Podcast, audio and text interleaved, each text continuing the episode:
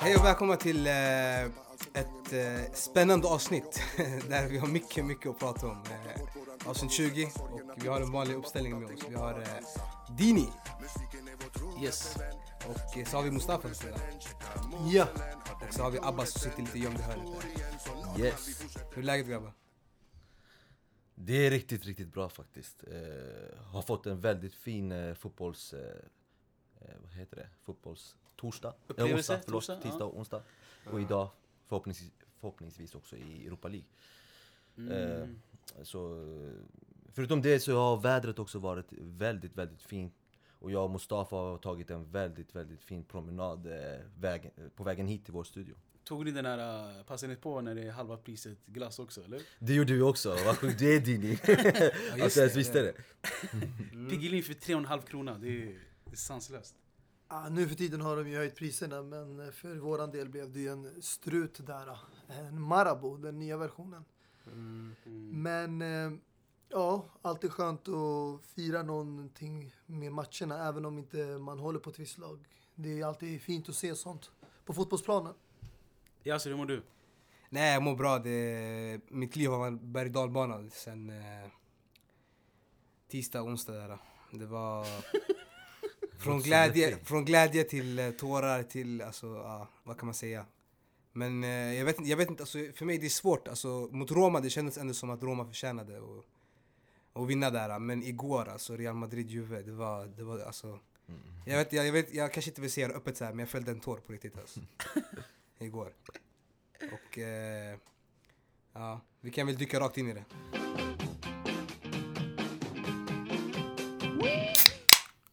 Och så startar vi avsnittet med att eh, Dini knäcker sin Celsius för att eh, vara redo med energi här nu under, eh, Ja, ja, ja, ja det är under bra. inspelningen.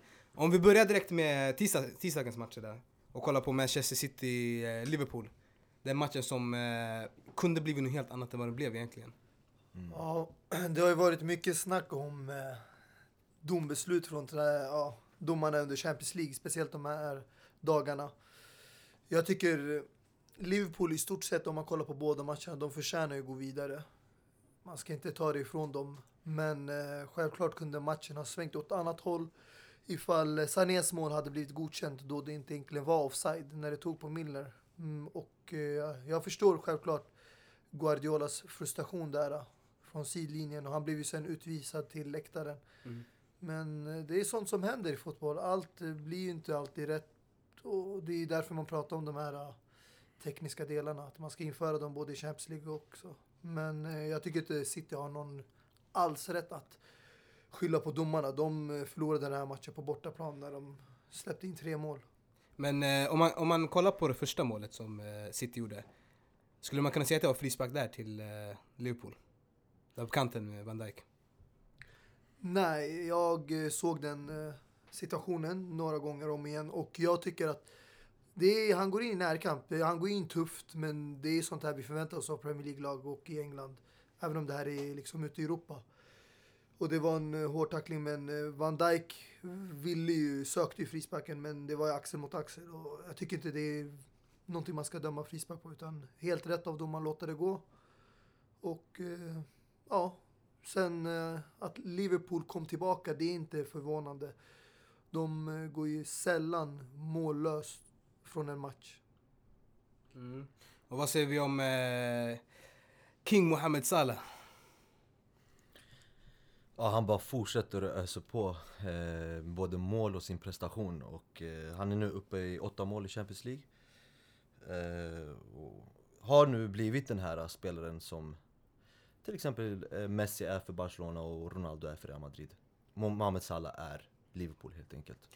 Vi har faktiskt fått en eh, tittarfråga, som, eller lyssnarfråga, som vi kommer ta lite senare angående just Mohamed Salah. Men eh, ja, är det någon som har någonting mer att tillägga om den matchen egentligen?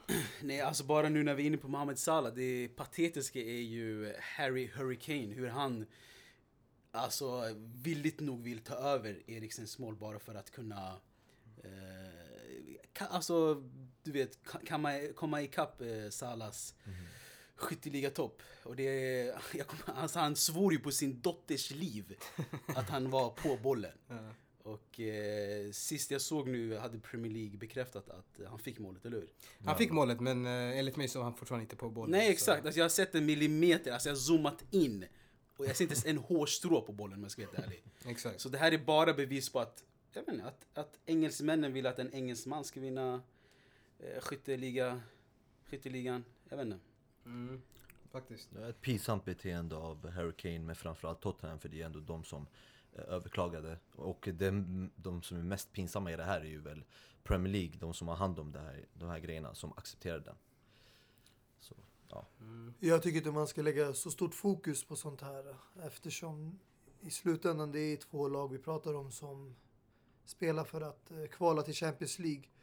Sen vem som vinner skytteligan eller inte, det är ett prestigepris som ja, vissa individuella personer liksom tar det väldigt seriöst. Men jag tror alla i stort sett tar det kollektiva i första hand. Och det liksom Tottenham har lyckats åstadkomma med Harry Kane är jämlikt nästan med det Liverpool håller på att åstadkomma med Salah. Men Salah har ju bara varit där ett år. Så vi förväntar oss att se mycket mer av honom ifall han fortsätter på samma spår nästa år. Men dock så är det väl lite förståeligt att eh, Harry Kane vill ha det där målet för eh, både Liverpool och Tottenham har ju inget att spela för i, i Premier League. De har ingenting att hämta därifrån. Men eh, både Harry Kane och Salah eh, har ju någonting gemensamt och det är att de eh, krigar om skytteligaplats, liksom vem som ska vinna skytteligan. Och då är det väl förståeligt om man vill få ut någonting av Eh, liksom från den ligan då. Ja men exakt, alltså, det är inte så irrelevant som du försöker säga Mustafa. Alltså, jag, jag fattar ju, skytteligan det är något individuellt och att du själv vill uppnå och vinna eh, skytteligan. Men se att du var anfallare och jag var anfallare och du var Salah och jag var Kane. Skulle du inte lite bli ta åt dig om jag försöker kamma ikapp dig på det sättet som jag gör?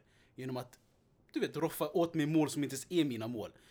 Så jag fattar att man inte ska lägga så mycket fokus på det, men på en individnivå så är det jättefrustrerande för eh, Mohamed Salah. Hur som haver, eh, Liverpool, eh, det blev spännande den matchen. Mm. Vilket hela den här helgens tema var egentligen, spännande. Eh, men, eh, ja. Mm. Och eh, med tyngd i mitt hjärta så kan vi väl gå vidare till eh, nästa match. Roma-Barcelona 3-0. Ja, för mig, ja, fortsätt en perfekt utförd match av Roma. Taktiskt var det nog eh, det bästa man har sett på länge i Champions League. Jag har aldrig sett ett lag spela ut Barcelona på det där sättet. Alltså det jag kan tänka tillbaka till det är när Bayern München slog ut Barcelona i Champions League semifinal och de vann totalt 7-0 i båda mötena. Och eh, då var det ett annat Barcelona vi fick se. Det var ju helt andra spelare. Men det här året, där Barcelona har ju blivit mycket bättre med Valverde och som folk pratar om, är ju mycket mer balanserade. Visade inga prov alltså på att de hade det bra i det defensiva. Och jag hade nämnt det tidigare att jag kände aldrig att Barcelona har verkligen blivit testade. La Liga-nivån har varit liksom upp och ner. Lagen har haft dålig form under hösten, blivit bättre under våren. Men i Champions League så mötte de liksom ett dåligt Chelsea och Roma var också väldigt eh, passiva i första mötet. De kom ju dit med eh, bra spel, alltså de hade bra liksom, upplägg. Och jag gillar det med Di Francesco. Att han vågar verkligen spela mot bra lag, bättre lag som har bättre trupp. Men eh, den här gången svängde det åt rätt håll. Och de, de hade turen med sig och fick in bollen i nät. Okej, om vi ska lägga matchen lite åt sidan Yasser. Får vi bara höra dina känslor? Får jag känna pulsen lite? Hur känns det? Efter att det har gått några dagar nu. Alltså det är... Vart såg du matchen? Om vi börjar där. Jag satt i skolan och såg den. Du Men- såg det med ett par kompisar? Ja, exakt, Nej, medan vi pluggade. Hade du bara- Barca-fans med dig då eller? Ja, precis. Jag vill bara måla upp en bild för att lyssna lite. Nej, alltså det är, alltså känslan, det är, Alltså jag hade ju den här känslan innan Valverde, alltså jag har alltid, sen han tog över, jag har tyckt om hans spel. Mm. Även om det inte har varit full offensiv liksom, jag har tyckt om hans defensiv. Mm. Men jag måste säga att, alltså det känns som att glädjen är borta i laget nu. Och det har varit så sen ett par matcher tillbaka i alla fall. Även Om alla de här storlagen den här säsongen, det har varit en känsla, det har inte varit en känsla av trygghet. Men ni har ju slagit samma rekord på antal... Vi har slagit rekord på antal oslagna matcher, Ja, ja. men ändå eh, känner jag mig osäker. Jag vet inte. Alltså många har ju kritiserat honom och sagt att han, de tycker han borde få sparken och så vidare. Det håller jag inte med om. Mm. Jag tycker ändå att han har gjort ett bra jobb. Han har tagit ligan redan nu nästan säkrad. Mm, Han har tagit oss till kvartsfinal Champions League och Copa del Rey har vi nu kvar också. mm. Men eh, det jag vill säga är liksom att det känns som att han har fixat upp defensiven någorlunda men om inte det var för, om det inte var för Messi så hade det absolut inte sett ut så här. Men, och då, alltså, hade, då hade inte han blivit hyllad som han har blivit hyllad nu. Det är det jag försöker säga. men alltså nu när vi ändå är inne i Messi, alltså.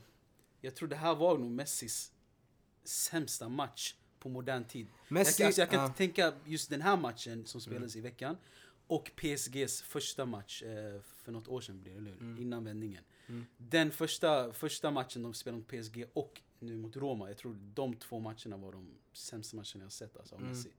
Alltså grejen är med Messi, det, Messi om, han, om Messi är bra, allt flyter på. Om Messi inte funkar, ingenting flyter på. Det är bara som alltså, vi har kommit undan ganska mycket med Messi. Alltså, det är bara att kolla senast i Sevilla när vi körde ligamatchen nu. Mm. Det var han som kom in och räddade oss och gav oss ett kryss. Mm. Om inte Messi fungerar, ingenting fungerar. Och det såg vi mot Roma nu. Alltså det var... Det, och det är det, som liksom, har- det är det som har gett mig lite större respekt för eh, Ronaldo. Till skillnad från Messi nu. För att, alltså, även om jag är ett Barca-fan och jag älskar Messi, jag måste ändå hylla Ronaldo. Om vi kollar skillnaden på dem. Om du såg Ronaldo igår, när det inte gick så bra, de låg under med 2-0 tror jag. I början då, när han började, när han började lyfta publiken Mm. började vråla ut liksom kom igen, du vet, backa oss, stött, stötta oss liksom. Snacka med laget, kom igen du vet. Även det blev 3-0, men ändå han, han steg fram där på slutet och satte straffen som en riktig, som en riktig ledare. Och Messi, alltså, Messi är Messi, han är utomjording men de här ledaregenskaperna, det känns som att han läker dem. Det är det som är så synd bara. Nej men exakt, det är, alltså ledaregenskapen är inget som du kan typ träna på så som du kan träna på frisparkar eller straffar och så. Precis. Och Ronaldo, jag har sagt det tidigare också, jag kommer ihåg eh, EM eh, när de skulle så straffar och så. Att han uppmanade sina lagkamrater och lyssna jag tror på dig, som är Juan Moutinho, jag tror på dig. Slå straffen, du kommer klara det här. Även samma sak igår, så spelade Tunnel så stannade han kvar sist och gav alla en klapp på axeln. Lyssna vi klarar det här, vi klarar det här, vi klarar det här. Så jag håller med att Ronaldo har en annan typ av ledaregenskap på det sättet att han syns mer. Men jag tror Messis spel som han spelar blir på något sätt en typ av ledare också. För när han spelar så bra som han gör blir han en automatiskt en ledare för hela laget. Men alltså det jag menar är att även om Cristiano inte spelar, alltid spelar så bra Mm. så är han alltid liksom, han lyfter alltid laget. Ja, Messi exakt. om han inte spelar bra, det, ingen spelar bra. Exakt. Alltså, jag, jag gillar ju inte att jämföra de här två spelarna. Jag gillar att jag tycka om dem. Jag gillar inte heller göra det egentligen Men, men... idag, idag var det ju Ja. en ganska klar jämförelse för Ja. Båda eh, var ju nära att åka ut. Mm. Men eh, här var det ju skillnad på vem som ledde sitt lag bäst om man säger så. jag tycker alltså cred, alltså man ska få cred när man förtjänar cred. Mm. Och eh, det här är ju, alltså det här är ju upplagt nu för Real Madrid att nästan vinna tredje gången i rad det känns som. Och eh, jag menar, det jag menar är att om de gör det då är det ganska uppenbart att Cristiano kommer vinna Ballon d'Or. Om inte han gör ett kaos VM. Mm. Så att, och då går han ju om Messi. Så att, och jag, jag vill bara säga att det är med all- alltså, all respekt. Bra jobbat. Jag, en applåd alltså, på riktigt. alltså det, jag vet inte, det kanske låter jättekonstigt men jag är helt seriös. För att när jag ser Cristiano på det sättet som han betedde sig igår, när de ligger under 2-0, 3-0. Jämfört med ett alltså, dött Barcelona utan, någon, alltså, utan ledare, utan liksom, eh, ja. Jag kan inte säga mer alltså. Det är bara cred. Grattis, absolut, bra jobbat. Gå hem och ta den grabbar. Det känns som att ni bara pratar mycket om Ronaldo, hur bra han gjorde det och hur dåligt Messi gjorde det. Alltså, jag tycker till och med att Ronaldo var, alltså han var minst lika dålig som Messi i matchen mot Real Madrid, Jo. tycker jag. Men han fick det där straffmålet som inte han fixade själv egentligen. Och sen så gjorde han mål och firade som en galning. Vilket är rätt, men kanske ändå inte för man har ju ändå eh, liksom, från att i princip ha vunnit hela den här liksom, matchen mot Juventus i första mötet 3-0. Det ska inte ske, det ska inte hända Nej, det ska inte ske. Juventus kommer till Bernabéu och Ja. gör tre mål. Och sen att de får eh, den där straffen i sista sekunderna av det sista målet. Alltså sista eh, sekunderna och sen gör han det där målet och firar som en galning. Så jag vet Alltså, inte, grejen Abbas, det jag ska- det- är det inte jag så menar- du ska jämföra Messi med Ronaldo. Nej, det jag, vet menar, menar det jag, menar, jag menar inte att han spelade bra, det är inte det jag säger. Nej, nej, jag jag säger att även när han spelar skit, Mm. så lyfter han sitt lag. Mm. Hänger du med? Han vill vinna, han är en vinnarskalle, han är en ledare. Jag förstår Hänger du med? menar. Yes. Det är det jag menar. Och det, och det är synd också nu för att Alltså det känns som att om jag ska vara ärlig, sen Puyol, det känns som att vi inte haft en sån där riktig sån där ledare i Barcelona. Mm. Tyvärr.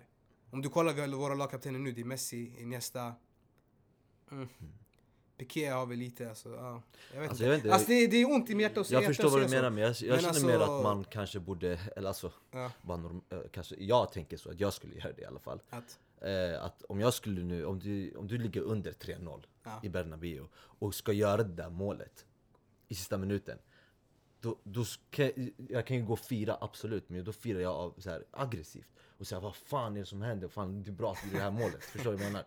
Men inte att man går och springer och tar av sig tröjan och bara Kom igen nu! Alltså, vann ju. ja, Ja. Vi har precis blivit rappade men nu vi, ska, vi gjorde det här målet sista sekunderna på det här sättet. Alltså jag vet inte, Men det är bara jag. Abbas, jag du måste tänka också, det är att i det där läget ta en straff, det det, Jag alltså, förstår, det och, det, och, vem, och vem annars förutom Ronaldo? Det är han, de stora matchernas man. Det är Okej. så. Uppe i krysset också. Ja, Det, det, det, alltså, det, det, det, det, säger bara allt. det är de stora, alltså han, han, han avgör matcher. Alltså, det, är, det är inget du kan säga om saker. Yes, Han nu- är där när det behövs. Ja, absolut, men nu känner jag att vi går ut från ämnet Okej, jag vet vad vi håller på att göra Yasin, försök gå ut från Barca-matchen Nej, Vi ska hålla oss kvar i Roma-matchen.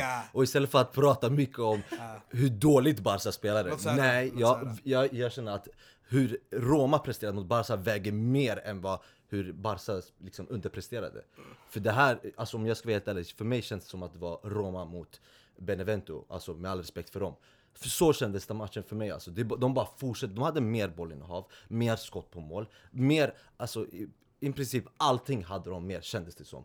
Och eh, Förutom bollinnehavet. bollen hade inte de mer. Det kändes som de hade mer i alla fall. Det var det jag sa. Hur som helst. Eh, alltså de bara fortsatte, de hade självförtroende och jag vill ge en stor eloge till, du nämnde Puyol, jag vill ge en stor eloge till Daniel, Daniel De Rossi. Som verkligen hade det som du försöker beskriva, att verkligen pusha sitt lag och pusha dem till det här 3-0 målet som de fick i slutet av Kostas Manolas. Eh, och det, det är sådana typer av spelare man behöver när man ska göra så här mirakulöst liksom, eh, liksom sån här 3-0 vinst som de, de fick. Eh, så förutom det så är ju DJ, alltså tränaren då i Roma, även eh, har även en stor roll och eh, han visade det med att man skulle pusha dem. Istället för att försvara och köra kontringar så pushar man Barcelona och kör så offensivt. Lite på samma sätt som de spelat på bortaplan. Bara enda skillnaden är att man försöker vara lite mer kompakta där bak. Så eh, en stor eloge, en riktigt, riktigt stor eloge till Roma. Ja, eh, om jag får bara komma in där lite. Eh, Barcelona, som vi har sett tidigare. Det är väldigt sällan du ser dem gå ut för att försvara en ledning. Och eh, det här var för första gången jag tror, alltså, det såg så ut som att Barcelona inte ville skapa något. De försökte inte få ett bortamål, utan de tänkte att vi kan försvara det. Det är tremålsledning och det krävs tre mål. Men det jag förväntar mig av ett världsklasslag det är att efter en så tidigt mål av Dzeko så ska man se en reaktion från spelarna.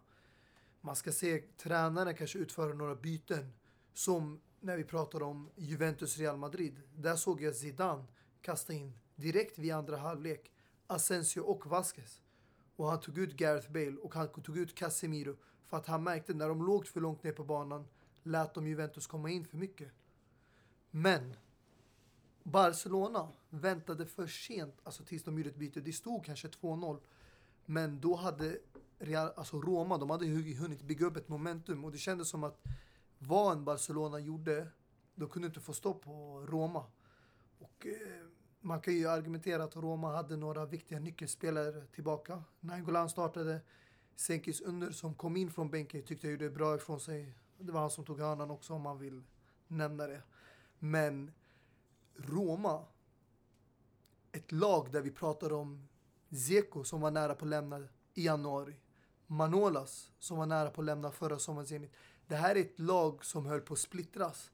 Spelare som har ryktats bort och de spelar ihop sig så bra. Och det är de här spelarna som också stack ut från matchen och gjorde avgörande mål. Det bevisar vilken stor klubb Roma är och vilken karaktär det finns i laget. Att de tar sig så här långt. ja, jag vill bara gå tillbaka till uh, Yassirs känslor lite bara snabbt. Du kan inte Det- lämna mig i fred va? Nej, inte idag. För det känns ju alltså, grejen alla Barca-fans jag känner, eller de flesta jag känner, de är mer anti-Madrista, eller mer än vad de är Barca-fans. För jag kommer ihåg när vi var i Barca, eh, staden där, det fanns ju fler halsdukar där det stod anti-Madrista. Och eh, massa skärsord mot Madrid.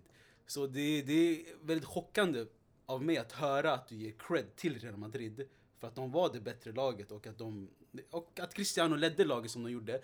För om jag till exempel skulle fråga Mohamed i den här sitsen. Om, om, Jag vill om- jag vill alltså, svara- men, jag vill- alltså, jag vill- säg- jag vill säg- svara på din- Ja, jag vet. ja. Som, säg, säg att Milan Ja. var i den här sitsen som, som Real Madrid var. Jag tror inte Mohamed skulle hylla Milan Okej. lika mycket som Jag säger så här. Real Madrid. Kolla. Du måste, en sak. Inte en för att sak- det är något fel, men Ja. absolut. En sak har du helt rätt i. Och det är att jag läste, jag läste en undersökning för några år sedan. På riktigt alltså. Där de sa att Barca-fans blir gladare när Real Madrid förlorar än när Barca vinner. Exakt. Och det är ganska naturligt med tanke på att det brukar oftast, Barca brukar oftast vinna och du förstår menar, hela tanken bakom. Det är lite som Inter, du vet, varannan match vinner de, varannan match torskar de. Hej, hej, hej. Nej, nej men på riktigt, skämt åsido. Och det jag försöker säga är med det här det jag sa, det är att jag, ser, jag, ser inte, jag, jag sa inte respekt till Real Madrid, det sa jag aldrig. Jag sa respekt till Cristiano och Ronaldo.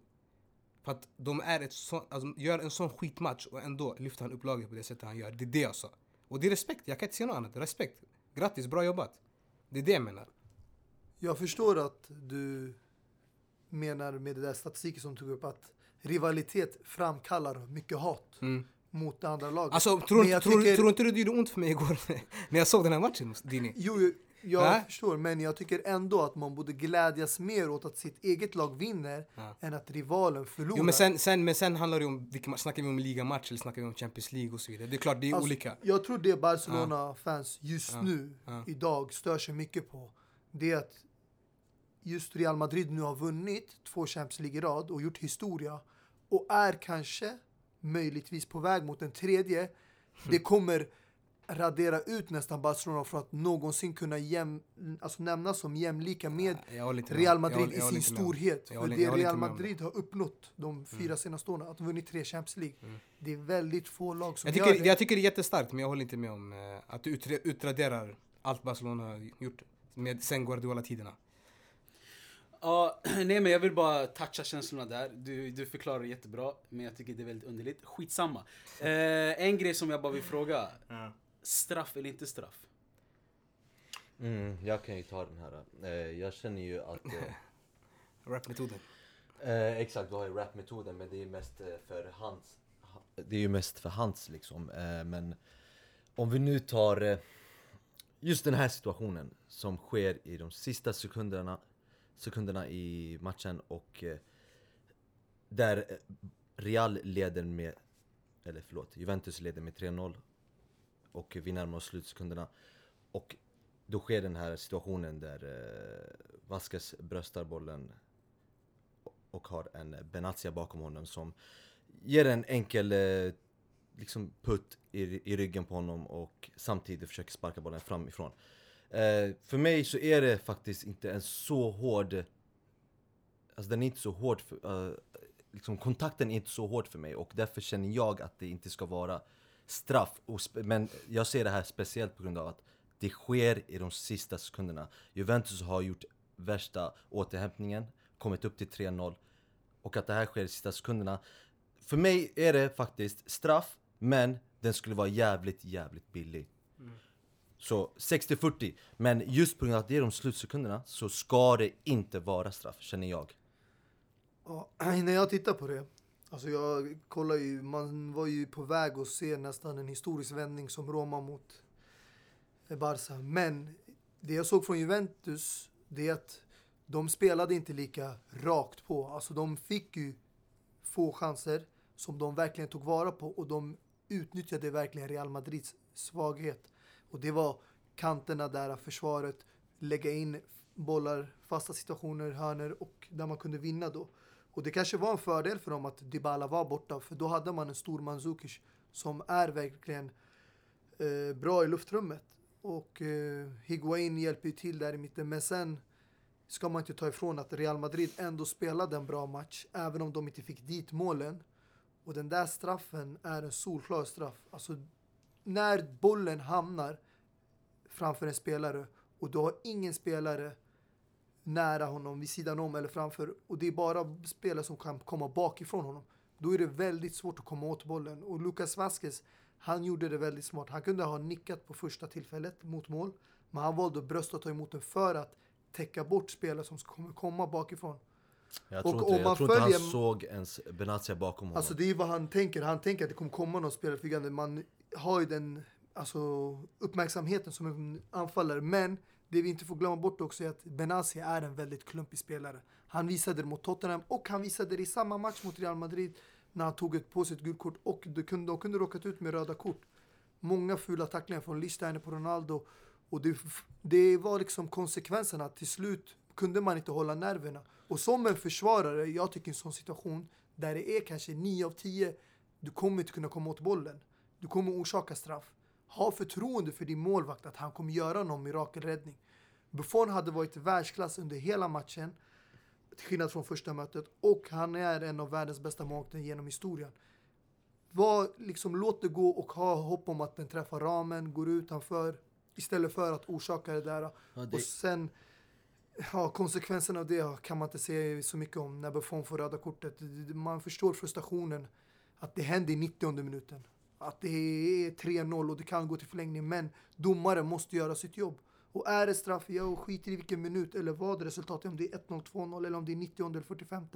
Du ska döma straff och göra nej, rätt. nej, det är inte Du sant. ska inte sitta och känna sympati Det- för ett visst lag för att de har gjort det bra under 80 minuten. Så vadå, så du, så du menar Abbas att, att straffar kan, eh, Det är självklart, ja. det kan väljas eller? Ja, absolut. Om det sker i början av minuterna, ska, man ska inte utgå från att, ja, men, att ja, det här ska vara straff då. Alltså, om det här, som jag säger, det här är ju sista sekunderna.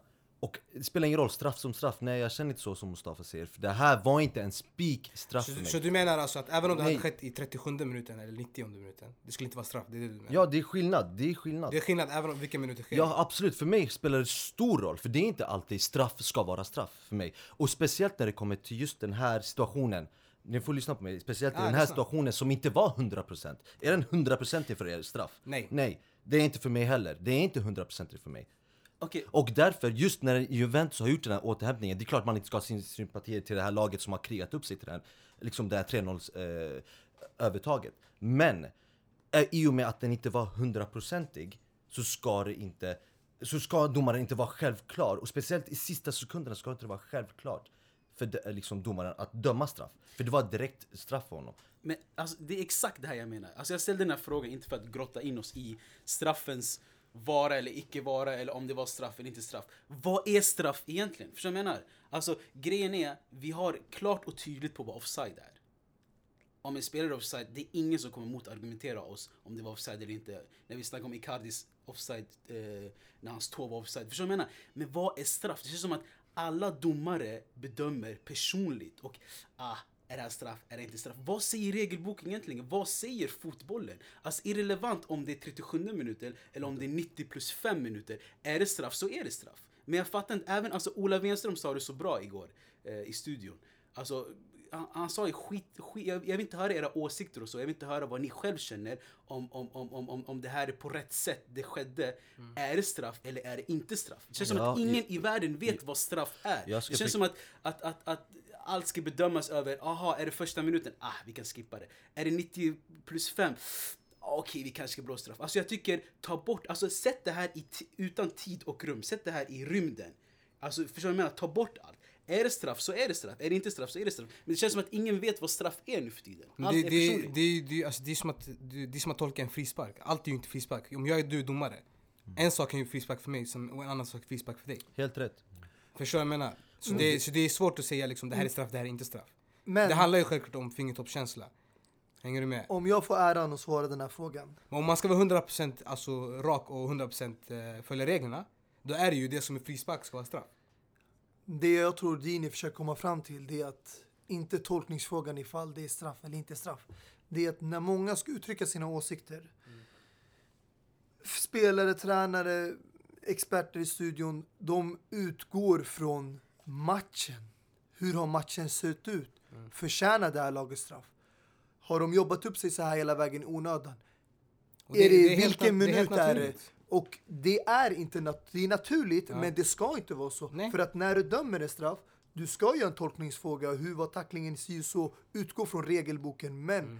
du kan inte som domare sitta och ta hänsyn till faktorer som om det här laget har kämpat. Mm. Att de förtjänar att få det här mot sig.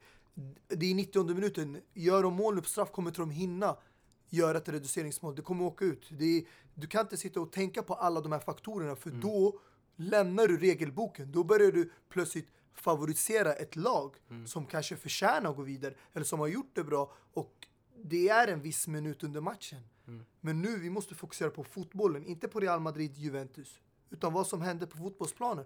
Och det hände att det var en tackling. Han kom in springandes rakt in i ryggen. Mm. Och han flög upp också med ett vänsterben där han försökte komma åt bollen, men han gjorde inte det. Han fick inte åt bollen. Och då är det straff. Du ska inte liksom tveka. Och Mar- Martin Oliver som dömde den här matchen, han fick hjälp av Martin Atkinson vid sidlinjen, som var fjärde domare under den matchen. Och där för första gången kände jag verkligen att man hade användning av den här fjärde domaren som assisterade och hjälpte till att se händelsen i straffområdet från en annan vinkel och döma straff åt huvuddomaren. Ge honom det beslutet. Ja absolut, jag håller med dig Mustafa och Dini när ni kommer till det där, vad är straff? Eh, man ska ju självklart följa regelboken, men nu är det så att vi idag i ingen liga eller något sånt har, har liksom följer de reglerna. Vi ser ju det. Och det jag försöker säga är att när man inte gör det, när man inte följer de här reglerna så är det för mig ganska självklart, alltså det är en självklarhet för mig att när du är i slutsekunderna och Juventus har kommit upp till, eh, till liksom 3-0 och det är så hett i matchen, de ska bara försvara ledningen. Och det kommer till den här situationen där, för mig i alla fall, är en osäker straff. Den är osäker. Regelboken, absolut, då kanske det, är, det kanske är en straff, men den här är lite osäker. Då känner jag, skulle jag som en domare i alla fall, och många andra eh, döma samma, liksom, de skulle döma, ja men det här är för osäkert, de vill inte skapa diskussion, de vill inte göra någonting. Då, då låter, vi, låter det vi spelet jag gå. Jag istället ju. för att bara döma så här, direkt. Exakt, jag fattar ju det. Men det ska inte finnas något som heter osäkert och Nej. säkert. Nej det är håller jag med menar. om, det håller jag Men med jag om, men det har vi det. Eh, nu har vi det idag. En öppen fråga, den som vill svara kan ju svara. Mm. Om vi hade haft VAR i den här matchen, Mm. vad hade den eh, gett för resultat tror ni? Den hade gett garanterad straff kan jag säga. Och det är inget snack om saken. Alltså, vi sitter och diskuterar här äh, varför det här kanske var en osäker straff. Det egentligen man kanske borde prata om. Varför fick Man City ett bortdömt mål mot Liverpool? Där det var inte offside, där spelaren klart och tydligt tog på en James Milner. Där har du självklara situationer där ett lag får emot sig dombeslut. Sen har du i Roma-matchen till exempel med Barca första mötet, de fick inte straff. Men nu fick de straff. Där Piqué kunde ha åkt ut på ett rött kort för att han var sista mannen när han drog ner Dzeko. Sådana här beslut är självklara och vi sitter och lägger fokus på ett, en situation där det var straff och vi försöker argumentera varför det inte var straff.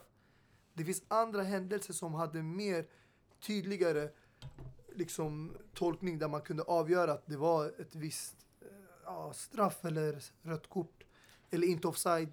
Men istället fick det laget beslutet emot sig. Och vi sitter och försvarar istället ja, ett annat lag. Och jag förstår det.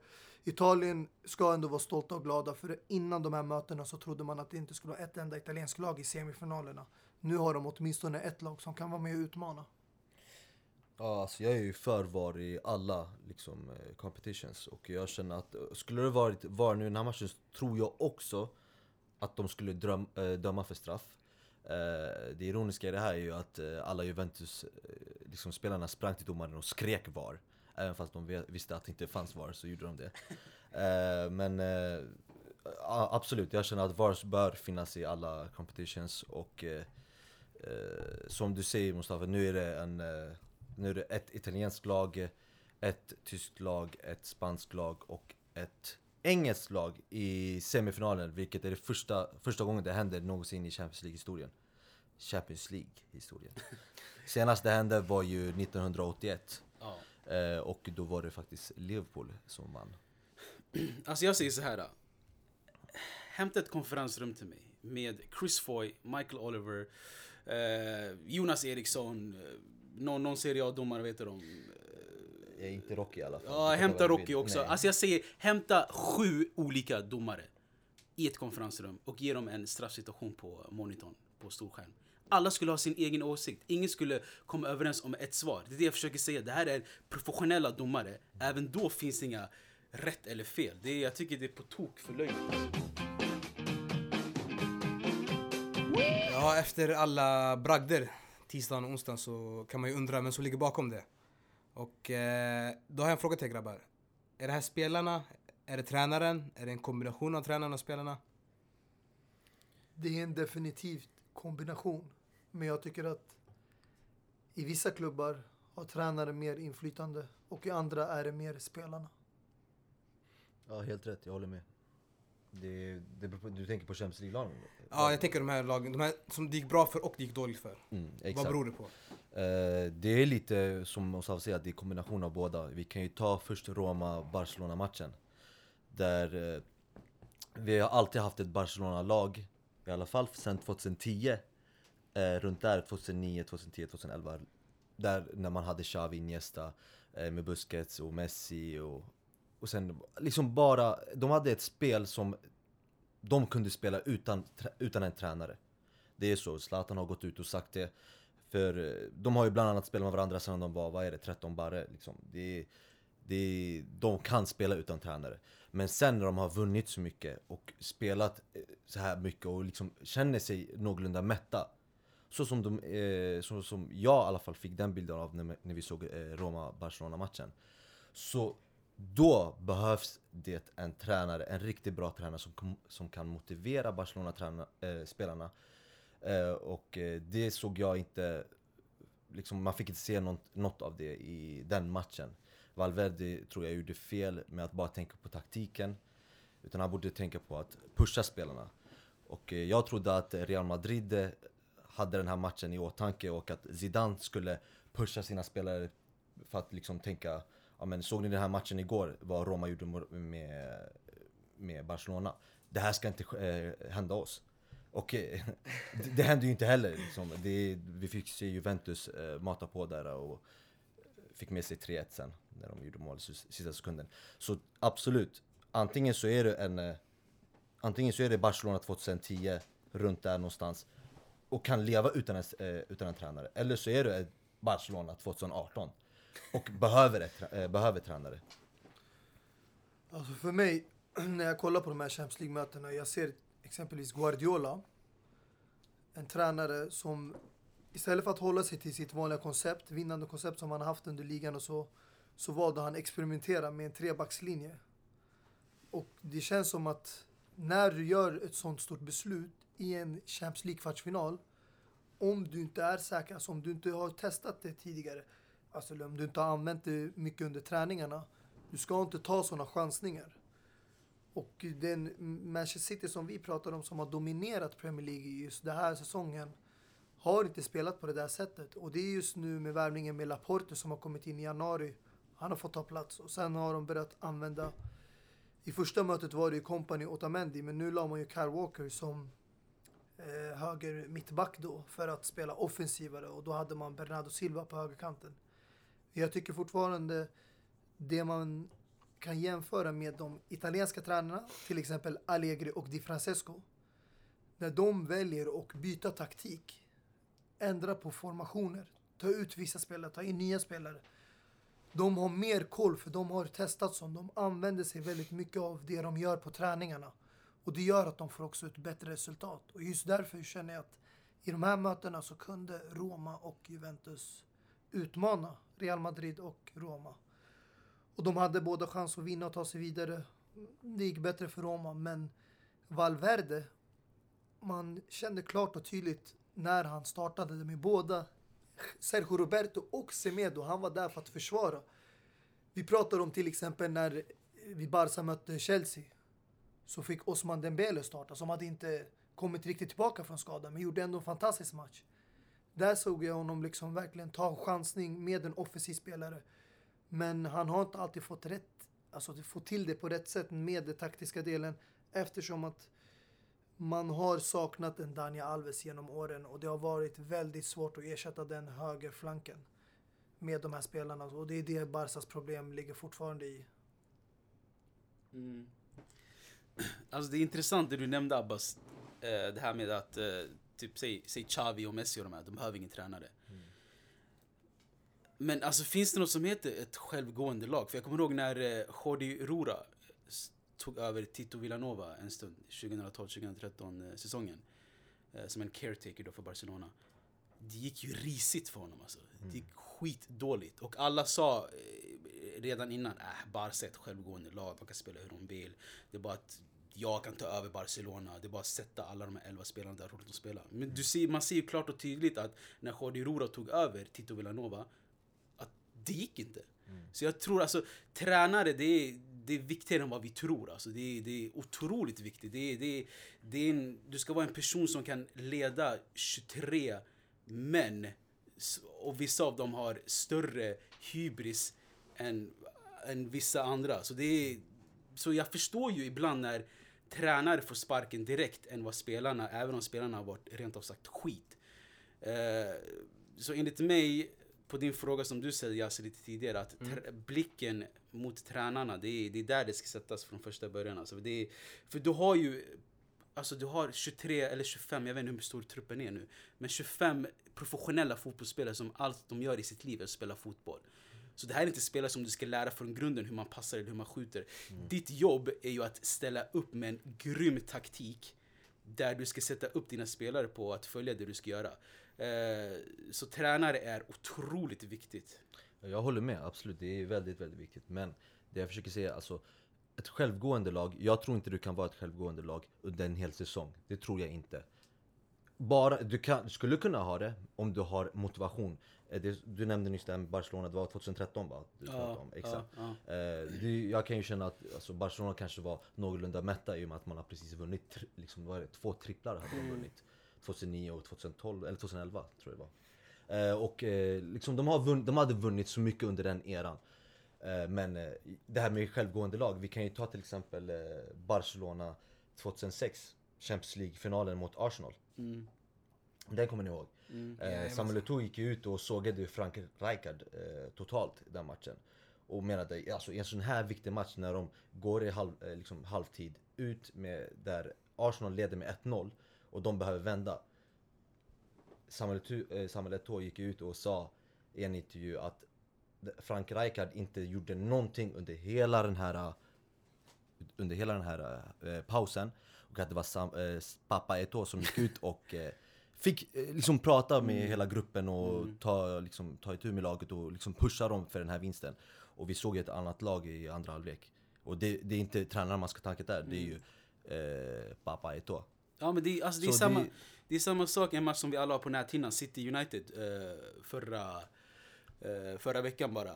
Du såg ett, det, det var ett helt nytt lag som kom ut. Där Mourinho hade ett värsta peptalk. Så det jag försöker säga är, om vi ska, ska vi först definiera vad ett självgående lag är, eller finns det något som heter ett självgående lag överhuvudtaget? Förstår du vad jag menar? För okej, jag fattar. Säg, säg Barcelona idag, sätt dem eh, mot eh, Benevento.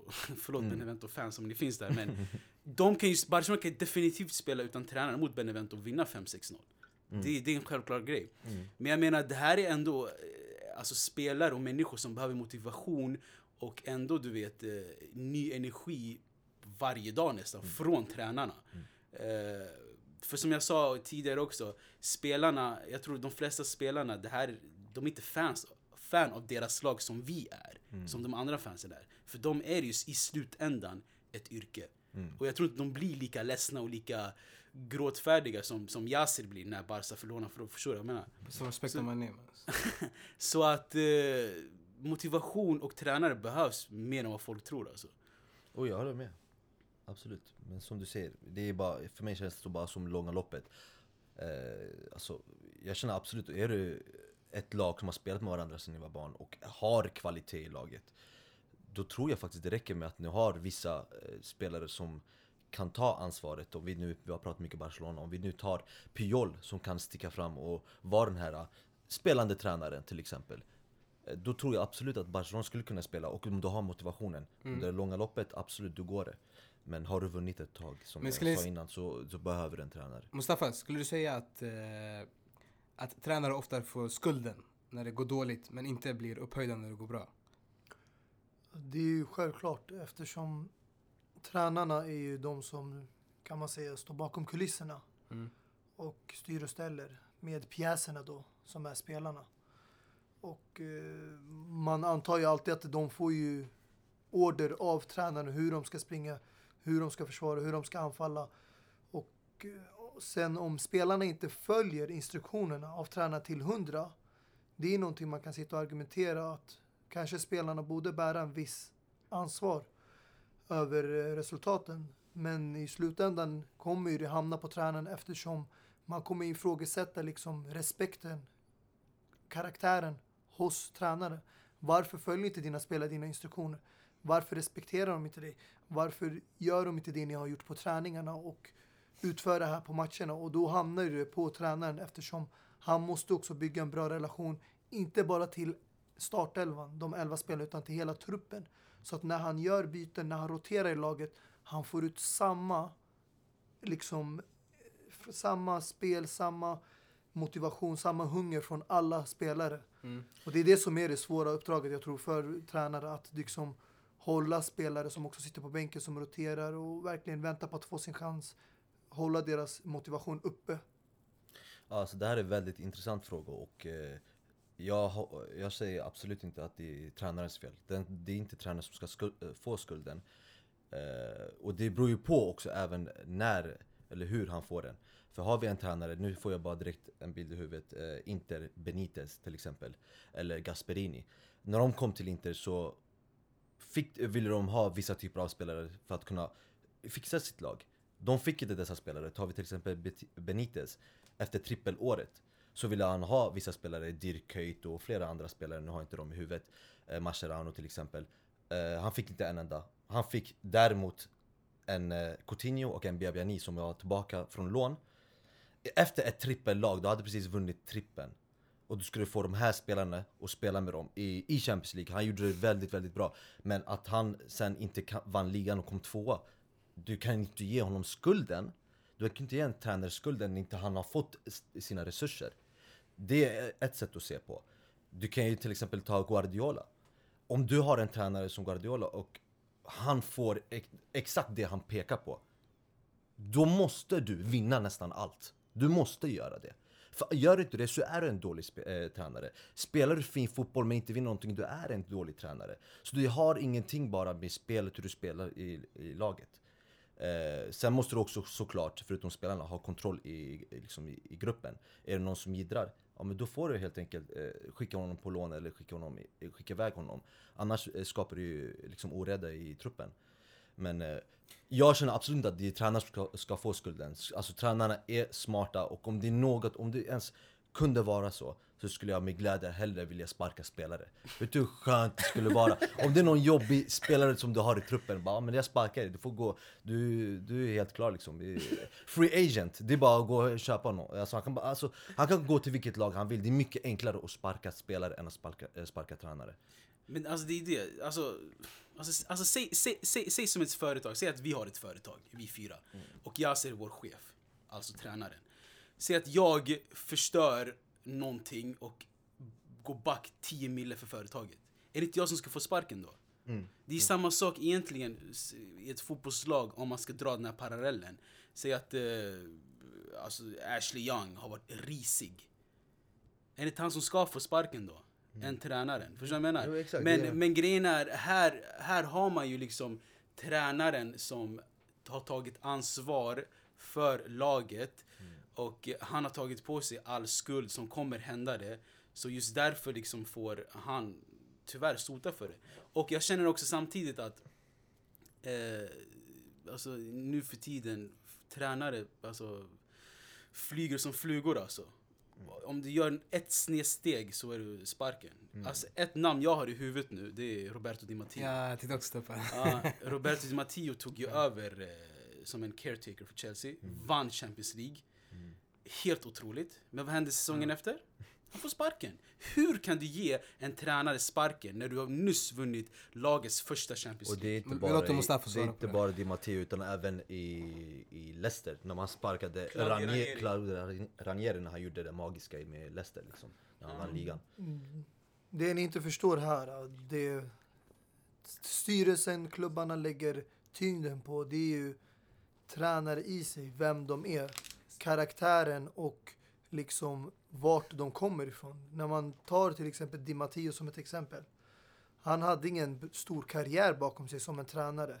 Hade vi, säg till exempel om det hade varit Mourinho som hade tagit över. Eller Ancelotti. Och vinner Champions League. De här är spelare som har en karriär bakom sig där de har vunnit stora titlar. Både inhemska och ute i Europa med olika klubbar. Det skulle alltså automatiskt gör att de får ett längre kontrakt, bättre betalt och samtidigt har man mer förtroende för dem. Så man sparkar inte dem för det minsta lilla. Men när du har en tränare som Di Matteo eller vem var det ni nämnde, Ranieri. Han har varit tränare i många storklubbar också, men han har inget bra facit när det kommer till vad han har vunnit. Hur ser det ut i hans garderob? Hur många medaljer, titlar har han där? Med alla de här stora klubbarna han har coachat i England, i Italien. Och det är det styrelseklubbarna går ut efter. De vill ha en spelare som har en bra historia, som de Ja. vet, det finns en slags garanti. Och det är det City gjorde nu till exempel med Guardiola, även om inte han vann någonting första året. Man vet ändå vad den här tränaren kan ge när han väl har hunnit bygga upp sitt spel, sitt lag med de spelarna han vill ha. Alltså, ah, nja. Grejen är, du försöker säga att man vill ha en garanti eftersom en tränare har varit lite... Alltså en namnkunnig tränare som har vunnit något och har en bra historia. Men eh, ett exempel nu, Gareth Southgate, Englands förbundskapten. Han tog ju över England efter Sam Allardyce var tvungen att resign efter någon skandal han gjorde. Och Gareth Southgate är ju minst sagt okänd. Han, han tränade Middlesbrough för några år och sen Englands U21 och sen tog han över England och gjorde ett otroligt bra jobb. Och även då eh, tycker jag att, alltså jag fattar ju vad du menar, alltså, om, alltså jag fattar vad du menar om du, om du som tränare och som namn är okunnig så, så, så har du en, eh, vad ska jag säga, alltså mer risk att bli sparkad om du gör ett fel. Förstår du vad jag menar? Säg att Guardiola, han kan göra tio fel eh, mer än vad Southgate kan göra. Så Rätt eller fel? Helt rätt. Och Ja. det var det du framförde, min poäng. För till exempel Gareth Southgate tog över England efter förra EM. Och nu har han gjort det jättebra. Han kom första plats i VM-kvalet och tog EM till ett VM-mästerskap. Men jag lovar dig Dini, och jag garanterar det här. Om England åker ut och gör ett fiasko i gruppspel i VM. Gary Southgate kommer bli sparkad efter VM-mästerskapet. Och de kommer anställa en ny tränare så som de har gjort de senaste åren. Exakt, det är det här jag menar. Men, säg, säg Roy Hodgson till exempel. Hur många chanser fick inte han? Han fick chanser för att det var Roy Hodgson. Men så fort Southgate kommer göra ett litet misstag nu, han kommer få sparken. Och tyvärr, det är som du säger.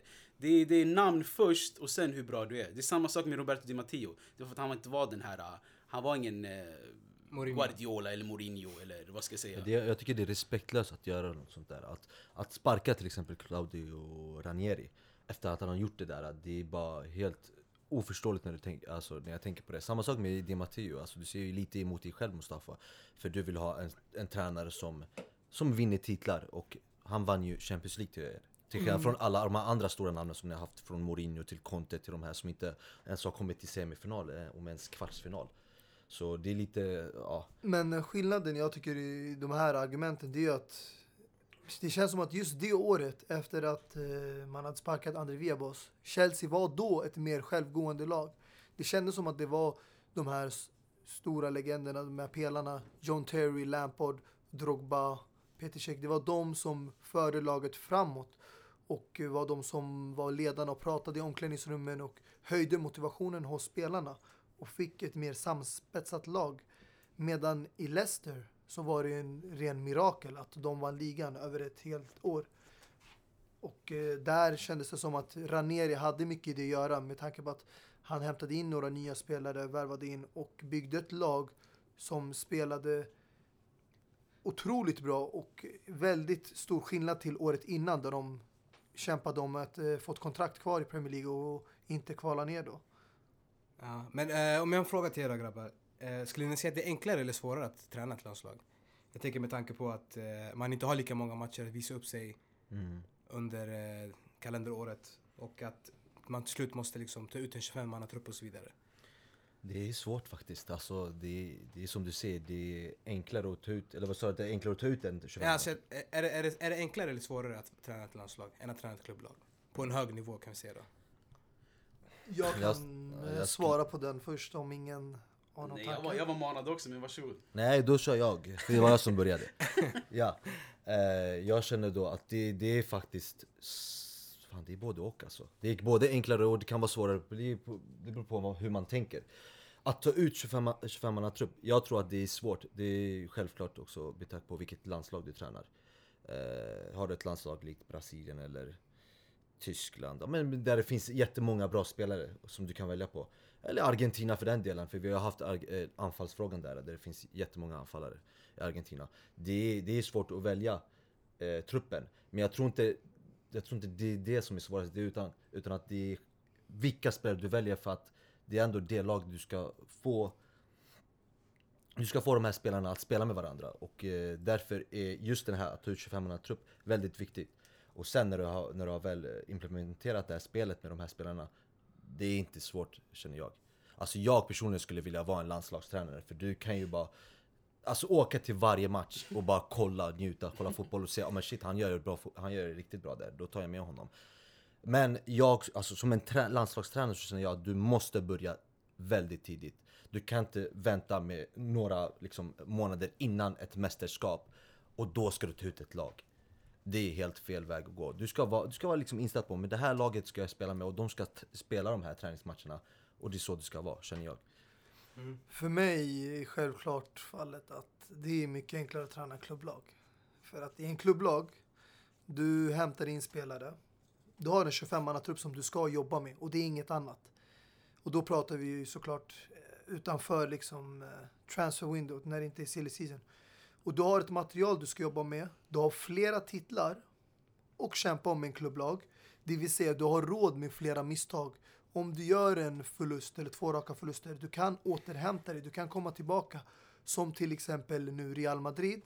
Okej, de sparkade en tränare, men deras säsong räddades till exempel när Zidane tog över efter Benitez och de vann Champions League.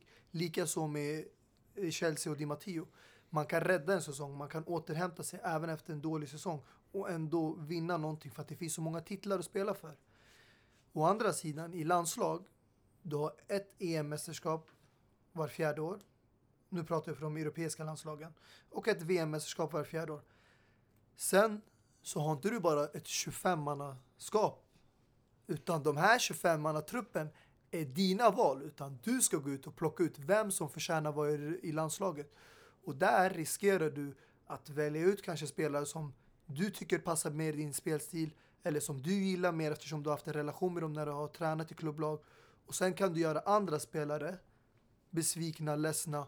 Och det gör att när de hittar en bra form och du ska sen kalla dem. De kanske inte spelar med samma motivation för just dig för att de känner att de har blivit dåligt behandlade.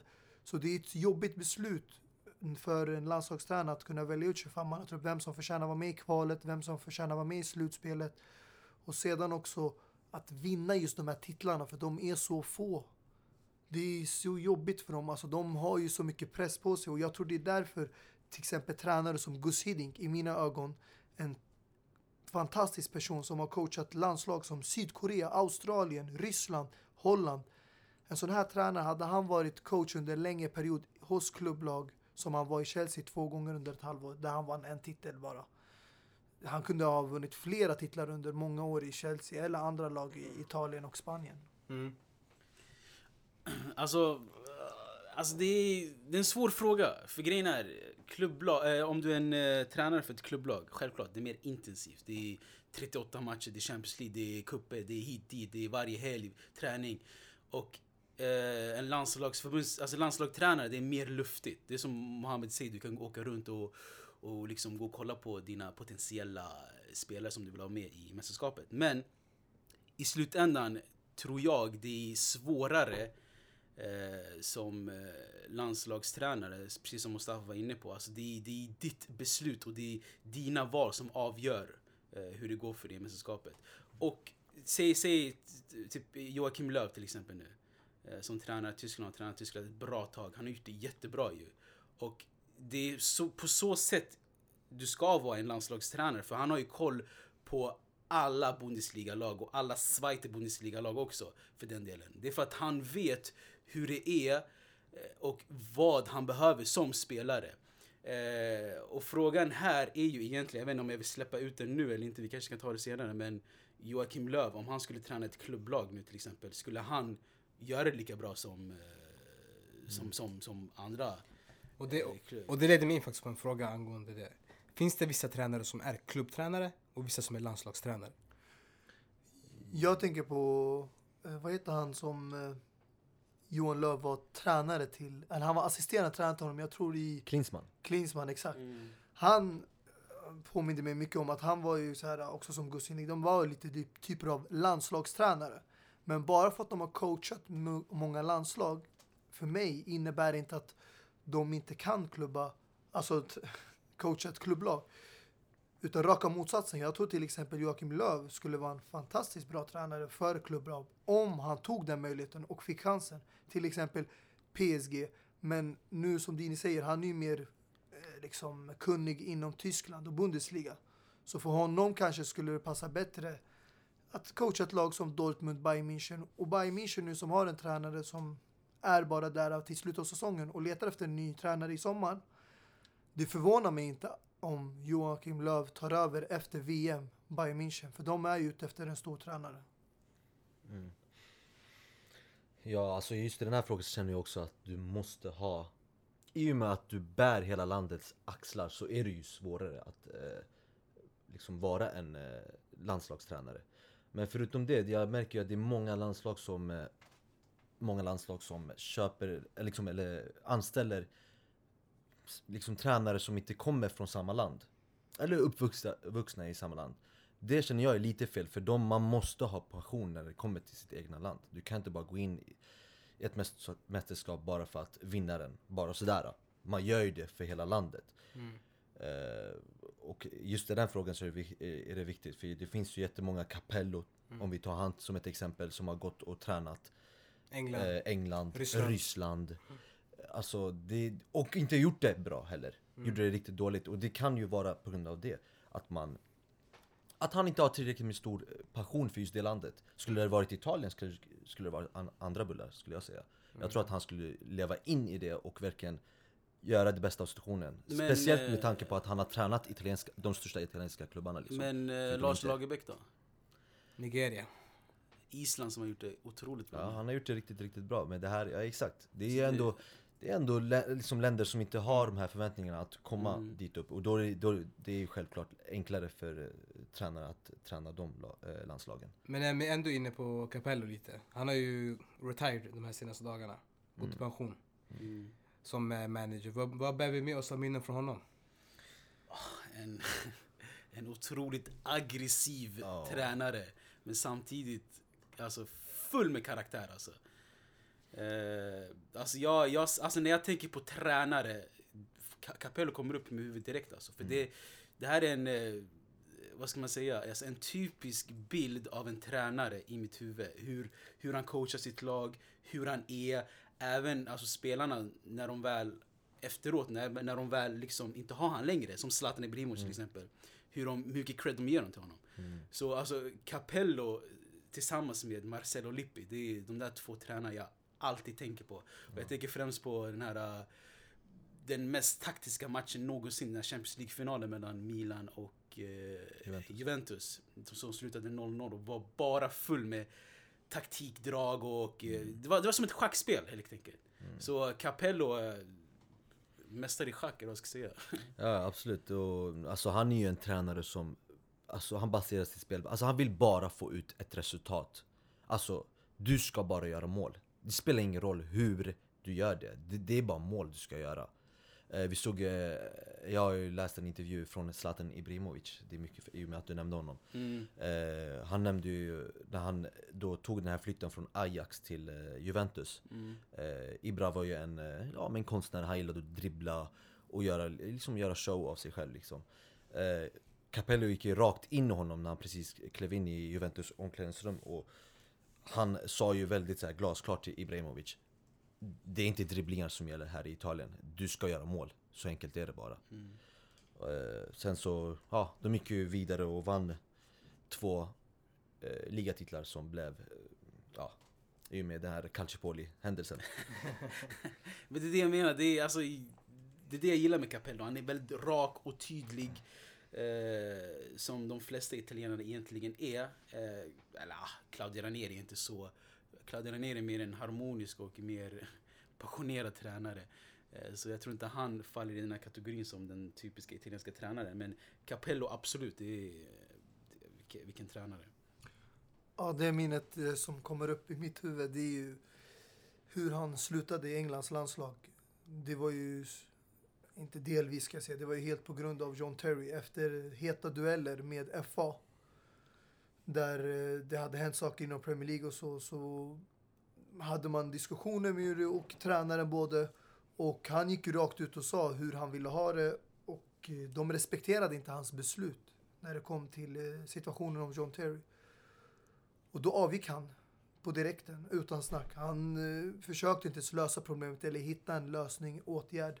För att han visste liksom att om du inte respekterar mina beslut, mina val, för att det är han som ska ta ut laget, då visste de att han kommer gå vidare och han avgick där efter fyra år i England och sen fortsatte tre år i Ryssland. Och det bevisar ändå vilken tränare han är. Han är en sån som står vid sitt ord men han bör också få den respekten som han förtjänar. Mm, Okej. Men eh, då har en annan fråga till er. Har ni några egna favorittränare som ni älskar? Och varför? Alltså, ja, jag kan ju börja direkt och säga att eh, för mig så är, har det alltid varit, jag är inte en sån här eh, person som i- bara Ah, vill... Jo- José Mourinho, vi hoppar över Abbas. Eh, nästa. Nej nej men ja, exakt, alltså jag är ingen sån här som men som Barcelona-fansen tänker att vi vill ha fint spel För jag tror att Barcelona-fansen bara tänker så på grund av att ni har även vunnit Hade ni inte vunnit och fortsatt, eh, liksom spelat det här spelet som ni ja, är kända för Mm. Så skulle ni aldrig eh, säga att Pep Guardiola är världens bästa eller ja, de tränare ni har haft Så för mig är det faktiskt eh, en tränare liksom som som vill liksom ha resultat helt enkelt. Du ska vinna matchen, punkt slut. Vi nämnde Capello, en sån typ av tränare. Mourinho är en sån typ av tränare. Eller var en sån typ av tränare. Eh, Conte, samma sak där, är en sån typ av tränare. Kanske, ska jag också säga kanske var en sån tränare i och med att han inte gör någonting nu i Chelsea. eh, men du vet, såna typer av trä- tränare som verkligen lever in sig i matchen. S- liksom vrålar, liksom skriker och och verkligen vill visa fansen och spelarna hur vi ska vinna den här matchen. Lite så än att man bara har en, ja men en Van Gaal som bara sitter eh, med sin perm i, i bänken och bara, bara, bara stirrar liksom ut. Bara, oh shit, vad Eh, här Gaal- Sa du spelaren?" van Gaal? Ja. Vi, vi, vi har väl alla sett det där vi- när han bara slänger sig på golvet och, och, och jiddrar med domarna. Så van Gaal om något har karaktär. Ja, vi- Chilla. Ja, men men förstår, Det är Mourinho som du alltså, skulle säga ditt Ja, men, ja, du vill att jag ska välja en Jag eh, det- favorittränare? Ja, ja. men då, då, det är självklarhet eh, Mourinho. Men Mourinho, alltså... När han var Alltså, som bäst då exakt. såklart. Mourinho, Mourinho i Italien. Ja, du tänker i deras bästa stunder, absolut, då är det Mourinho, absolut. Det är, det är, Du menar tj- 2010 Mourinho alltså? 2010 Mourinho, det är ingen som kan slå den. det är så. Mustafa? Ja, så jag har ju ett par tränare. Alltså, ni... Det är svårt att välja eftersom det har funnits så många fina tränare under den här perioden. Och eh, för mig, min kärlek för Zidane växer mer och mer för varje dag som går. Inte bara för att han är en bra tränare, som han har nu lyckats bevisa. För att många eh, räknade bort honom efter första halvåret när de menade att han hade en tursäsong med Real Madrid. Vilket han har bevisat att det inte var. Men eh, det som jag gillar också mycket hos honom, det är hans karaktär. Han var en spelare som jag verkligen följde när jag var liten. Han var min idol. Jag var liksom eh, Real Madrid lite fan då på sidan om eftersom jag gillade Zidane så mycket när han spelade där. Och följde alltid liksom franska landslaget i EM och VM-mästerskapen för att jag verkligen såg upp till honom. Han var en förebild. Men om jag ska vara helt ärlig så trodde jag aldrig att han skulle skina på den här scenen bland alla andra tränare. Jag såg ju honom, han var en assisterande tränare både till Mourinho och Ancelotti i Real Madrid. Men där var han inte så aktiv utan han var ju ganska lugn vid sidlinjen. Satt oftast där på sidan om och eh, antecknade med sin bok. Men det känns som att han har verkligen tagit lärdom av de bästa tränarna i världen. Och det är resultatet vi får se idag med Real Madrid. Även om de inte är med och fightar som ligan så gör de ändå det riktigt bra i helhet. Mahmoudini, låt oss höra. Alltså grejen är... Alltså jag kan säga så här, jag gillar inte fega tränare. Jag gillar tränare som är rakt på sak och inte behöver massa fancy shit. Eh, jag plingar nog mot Pep Guardiola mycket. Men hur som helst. Alltså mitt, mitt självklara val, obvious val, kommer vara Sir, Sir Alex Ferguson alltså. En, en man som kan göra, som kan vinna ett Arsenal med sju backar. En man som inte aldrig har gjort en wow-värvning i sitt liv, aldrig. Bara har hämtat de här spelarna. Jag vet att ni alla håller på att tänka, men han har aldrig gjort en wow. Nej det är sant, jag håller med. Eh, han har, förstår du, han har spelat som Alltså, Fletcher, Carrick och O'Shea och, och Wes Brown. Vad händer? Alltså, förstår du? Kushak som målvakt. Alltså, det är sån här tränare som vinner Champions League och vinner ligan eh, med såna spelare. Men, eh, ja, vill ni, vill ni jag fattar inte, det känns som att ni, ni vill säga något emot Sir Alex Ferguson grabbar, vad händer? Nej, jag tyckte bara det var roligt att du nämnde det här med wow-värvningar. För att just det här med Zidane, det många har pratat om, det är att hur han får ut det bästa av sådana här spelare som Vasquez, Asensio, eh, Theo Hernandez, Kovacic. Alltså han lyckas ändå få ihop ett bra lag och hålla motivationen i truppen. Och det var det Sir Alex Ferguson också var känd för. Hur han gjorde med Tom Cleverley, Anderson, eh, Da Silva-bröderna som nu inte är kvar och spelar för någon stor klubb. Han fick ut det bästa av såna här eh, random-spelare och verkligen höll motivationen i truppen, de som också var på bänken. Och det ser vi i Real Madrid också. Folk kommer in från bänken, Asensio bara briljerar. Och det förväntar man inte sig av någon som har blivit bänkad halva säsongen. Nu snackar vi faktiskt om Sir Alex Ferguson Handini, så fortsätt du. Nej men eh, som sagt, det, alltså, det kommer aldrig komma en tränare som Ferguson. Alltså, aldrig.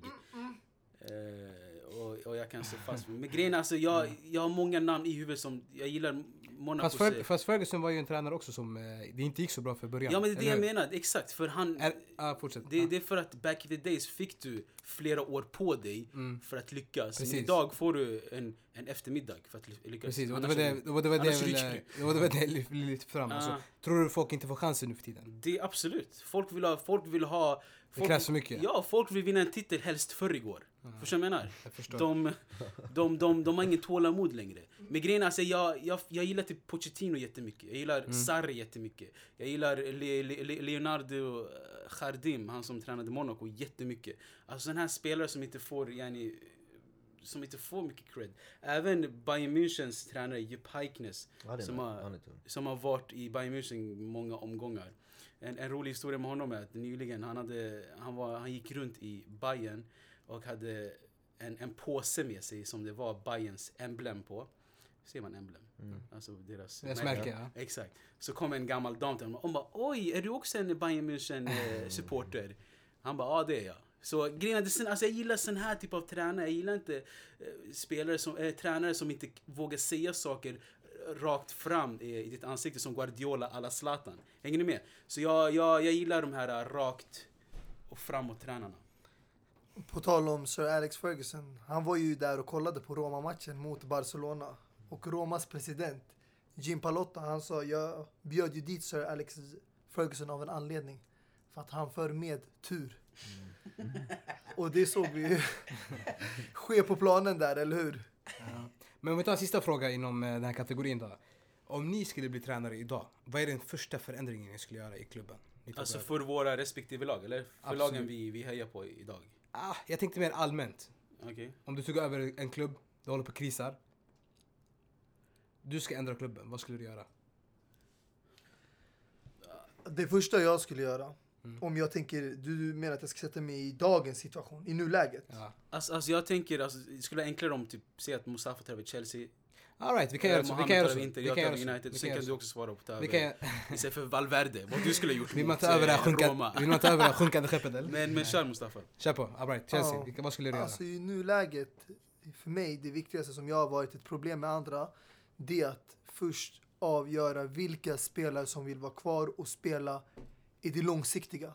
Har man spelare som har mål att gå vidare till en annan klubb eller känner att de har en karri- lång karriär framför sig och vill äventyra, då får man liksom göra av sig med sådana spelare för att jag som tränare skulle vilja bygga ett lag för framtiden, det långsiktiga.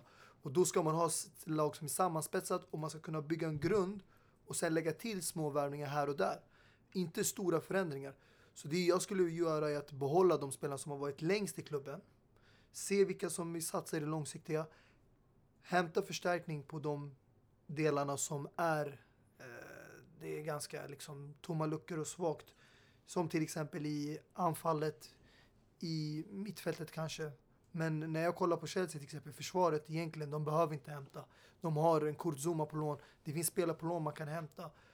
Och Morata, det är bara att hämta förstärkning, någon som roterar. Man måste hämta spelare som kan konkurrera med varandra så de motiverar varandra. Och det är det jag gillar till exempel med Real Madrid. De har en startelva, men de spelarna som på bänken är ändå inte dåliga. Men när du Ja. hämtar spelare som är ofta skadebenägna, som Emerson, som Ross Barkley, Dar, eh, Danny Drinkwater också för den delen. De har ju varit skadade fram och tillbaka. Det blir ingen balans i laget. Mm. Det blir alltid spelare, man vet vem som kommer hamna utanför elvan. Abbas, jag vet att du har mycket du vill ändra i ditt lag men om du kan hålla det kort. Vad skulle Ja, kort, dina första frågor? sa? Ja. Mustafa sa långsiktigt, då säger jag kortsiktigt. Jag skulle då tänka, först och främst, det första, alltså det är bara att tänka kortsiktigt. För du ska ju lösa, det är ju kris. Vi ska ju lösa situationen. Då kan inte du tänka långsiktigt. Eh, oavsett, om du, även om du inte skulle liksom, fixa en kris så som tränare, jag skulle aldrig vilja tänka kortsiktigt. Förlåt, jag vill tänka kortsiktigt. Eh, för jag vill ju komma någon vart med laget. För när du är i en bra situation som eh, liksom har kommit upp till Champions League-platserna eller vinner ligan. Mm. Det är ju kortsiktigt men sen så kan ju ja, det lag- laget som du har eh, tappa motivationen eller något eh, andra säsonger. Men vad gör du då? Då gör du, i- alltså, skickar du iväg de här spelarna och kan köpa till dig nya spelare. För jag tror inte på någonting som alltså det här med långsiktigt. Det finns inget lag, i alla fall i år, eller nutiden, finns inget lag som eh, har spelare så här långsiktigt. Det var mer förut, 90-talet eller lite längre, eh, längre bak i tiden. Just nu har vi inte sånt. Du kan se många prata till exempel om Ja, vad ska vi ta? Eh, Barcelona Real Madrid med Morata till exempel, så, där han skulle vara den här anfallaren. Men han, han, har, han har ju bara skeppats iväg till olika klubbar och nu är han i Chelsea och är kvar där. Det finns flera andra spelare, så det här med kortsikt, eh, långsiktigt, det finns inte längre. Jag skulle bara tänka kortsiktigt. Och det är, om du tänker nu just i Inter, Mm. köp, har du en, en liksom 100 miljoner att spendera. Vad är det du behöver i det laget? Ja, men du kanske behöver någon som kan leverera bollar. Du lägger en 50 miljoner eller 60 miljoner på en riktigt, riktigt bra offensiv mittfältare. Och sen spendera 40 miljoner på något annat. Och i Inter så har man vänsterbackspositionen som är lite eh, dålig. Så kanske man, varför inte lägga 40 miljoner på någon spelare? Eller, alltså en Alaba. Kanske inte skulle gå för 40 miljoner men det är en sån här riktigt bra vänsterback. Eh, det, det är för mig kortsiktigt. Mm. Det är nyckeln till frihet. Du har ju definitivt drömmar alltså, Abbas. Eh, Alla var på vänsterbacksplatsen. Ja, a man can dream. Nej men, eh, alltså om jag skulle ta över United idag. Alltså jag älskar akademi och unga spelare och likt Mustafa när han sa att lagkemi är det viktigaste. Jag tror lagkemin börjar från akademin och spelarna som känner varandra sen i tidig ålder. Eh, alltså exakt som van Gaal gjorde och alltså, jag skulle bara fortsätta på det hållet. Alltså, vi hade spelare som Cameron Bothwick Jackson som spelade vänsterback eh, och gjorde ett otro, alltså, otroliga bra matcher. Även eh, det är han som har lyft fram Jesse Lingard och Marcus Rashford. Eh, Dimitri Mitchell fick spela, jag vet att jag säger massa onödiga och eh, okända namn just nu. Men eh, sådana spelare från akademin skulle jag lägga mycket, mycket fokus på. För det är klart man kan värva en bra nummer 9 för 80 mille, självklart, om det behövs. Men om du har spelare som Marcus Rashford i akademin, ta in han. Och kolla vilken spelare han har blivit nu alltså. Så jag skulle luta mig mycket tillbaka åt eh, mina juniorer i akademin. Men det Eh, bara- ja, ja. Alltså, du, du nämner ju de här spelarna. Du, om du tänker att du skulle ha Rashford och Lingard mm, en hel säsong, mm. skulle det funka? Alltså jag skulle, jag skulle inte, jag skulle slussa in dem. Mm. Bättre än vad de tränarna gör idag. Eh, jag vet att Mourinho, kritis- Mourinho kritiseras mycket för att han inte ger unga spelare Och jag förstår inte varför, så. för Lingard har gjort sin bästa säsong hittills. Ja, men grejen är som sagt, Lingard blev ju, fick ju chansen av van Gaal. Eh, även Rashford. Så det här är spelare som van Gaal har hämtat. Okej, Scott eh, McTominay, absolut, det är Mourinhos verk och så. Men det jag försöker säga är att eh, man, man, nu för tiden, man blickar aldrig mot eh, det man redan har. Det är alltid, "Ah, jag måste värva en Icardi, jag måste värva en Iguain, jag måste värva det här och det här. Men i verkligheten så har du en Rashford som bara väntar att bli utsläppt. Du har en Devon Redmond som väntar att bli utsläppt. Så det är åt det hållet jag skulle blicka mycket åt. Jag håller med, jag håller med. Mm. Uh, Yasser, vi ser att Valverde blir sparkad idag. Du får ta över Barca. Vad okej. gör du? Jag kan först och främst börja med att säga att eh, jag hoppas inte han blir sparkad. Som många Barca-fans gör. Ja. Eftersom att jag tycker att han ändå gjort en helt godkänd säsong. Men, men, men. Jag vill att han hittar tillbaka glädjen i laget. Det är det jag vill att han gör. Men, om vi säger att han blir sparkad nu, jag tar över. Eh, alltså det är ju lite en kombination av vad ni alla säger egentligen. Alltså man kan inte tänka för långsiktigt heller. Men om man ska tänka långsiktigt. Jag hade, jag hade velat hämta tillbaka det här med att, att man använder La Masia mer. Eftersom att om du kollar på våran gyllene tid, det var mest La Masia-spelare i grunden i laget. Men eh, det har ju ersatts, ursäkta mig, det har ju ersatts mer och mer av eh, inköpta spelare och så vidare. Men eh, att man lyfter fram de här spelarna från La Masia, ger dem chansen och eh, lita på dem. Det skulle jag göra Jag har en fråga till dig. Det har varit eh, diskussioner om att Suarez Mm. ska bort. Är det en spelare som du helst vill ha kvar eller Ja. kanske byta ut? Suarez är en spelare som har gjort det väldigt, väldigt bra i... Eh, väldigt, väldigt bra i Barca. Men eh, den här säsongen så har han inte levererat. Och det har varit mycket snack om eh, Griezmann och så vidare. Men jag personligen skulle vilja hämta in Icardi. Nej, lämna honom! Icardi mot eh, Suarez då. Och eh, ja, vi kan ju ta Wanda på köpet också. Men eh, jag skulle i alla fall hämta in i nummer nio. Ja, om jag Alltså jag, tror det, jag tror nyckeln för Barcelona det har varit någon som backar upp Messi. Ja, alltså Och, grejen är eh, att du måste förstå Valverde, Valverde har spelat mycket 4-4-2. Det är det också. det är det som han Så att vi har inte haft den här tres amigos som vi hade sen tidigare. Det är det jag kände Så också, att- sen Neymar lämnade, Ja, även om Barca har lyckats vinna och vara oslagbara, ja. Det finns varit- ingen som lyfter den här bördan ibland från Nej. Messis axlar Exakt. som Neymar gjorde. Och det är det jag menar med att det är Messi. När Messi är bra, laget är bra. När Messi inte är bra, laget är inte bra. Det Men tror du då Osman Dembele är en spelare som kan bli en sån där Neymar-typ? Jag tror att eh, med en annan tränare som vågar spela mer offensivt, ja. Men med Valverde, Valverde det kan bli svårt. Ja, jag vill bara poängtera det här med anfallare, hur viktiga de är. Jag har pratat om det hur, hur länge som helst. Och vi kan ju ta den här matchen igår. Real Madrid-Juventus. Benzema. Han fick ju inte hoppa in. Nej. Och eh, hade han spelat den här ma- eh, matchen, jag kan ju, alltså det är ju 100% jag tror till och med att Juventus skulle vinna den här matchen. Det tror jag faktiskt, helt ärligt. För att Zidane som är så duktig som du säger Mustafa, borde ha tänkt på att det, man har ju bara koll på Cristiano Ronaldo och det är Cristiano Ronaldo som, som ska göra skillnaden. Lägger du in en Benzema, alltså det, jag är ingen tränare, det är enkelt för mig bara eh, liksom brainstorma och bara säga så här, ja, men lägg in en Benzema som kan eh, där liksom Chiellini och Benazia kan hålla koll på. Då har du en Cristiano också som, som de liksom måste hålla koll på. Det blir mer rörelse. Så vikten på- av en riktigt bra anfallare Du Central. syftar på att, väl att du tror att Real Madrid hade vunnit. För du sa att Juventus hade vunnit. Ja jag menar Real Madrid, ja, Ja, exakt du skulle, menar Det skulle inte vara samma matchbild Ja, jag, jag håller med dig. Benzema är en sån som liksom får folk att tappa mer koll på liksom eh, Ronaldo. Det var ju mycket lättare att markera honom igår, men jag tror Zidane försökte testa någonting nytt som han gjorde borta mot PSG med Bale när han startade. Men han märkte att det inte funkade och det var väldigt smart av honom att ändra redan vid halvtid. Så man hittar ju lösningar till sina egna problem. Men det handlar om också att våga testa sig fram och ta chansningar. Eh, en, en sak bara. Jag vill bara lyfta fram Suarez. Alltså, jag tycker han är bland det bästa jag har skådat som en, eh, som en anfallare i modern tid. Eh, självklart, jag håller med om att Messi behöver någon som kan avlasta han och inte någon som tävlar om, om, om, om, om, om, scenen.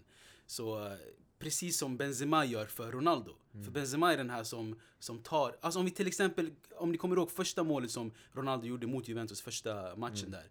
Benzema tog ju fighten mot mittbackarna och stångade igenom dem så att Ronaldo fick göra ett mål. Så jag tror Leo Messi behöver en sån spelare bredvid sig som spelar för Messi.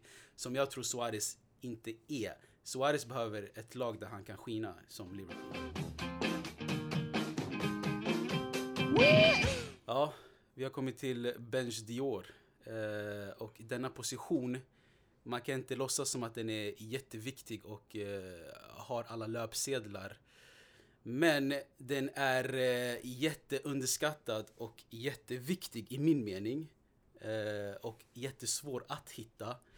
Eh, finns brist på sådana Eh, för du måste vara snabb, stark och teknisk. Du måste ha en bra inläggsfot, gärna vänsterfotad. Eh, och jag uppmanar alla pappor där ute och alla som har barn som satsar på fotboll. Säg att de ska satsa på att bli vänsterback.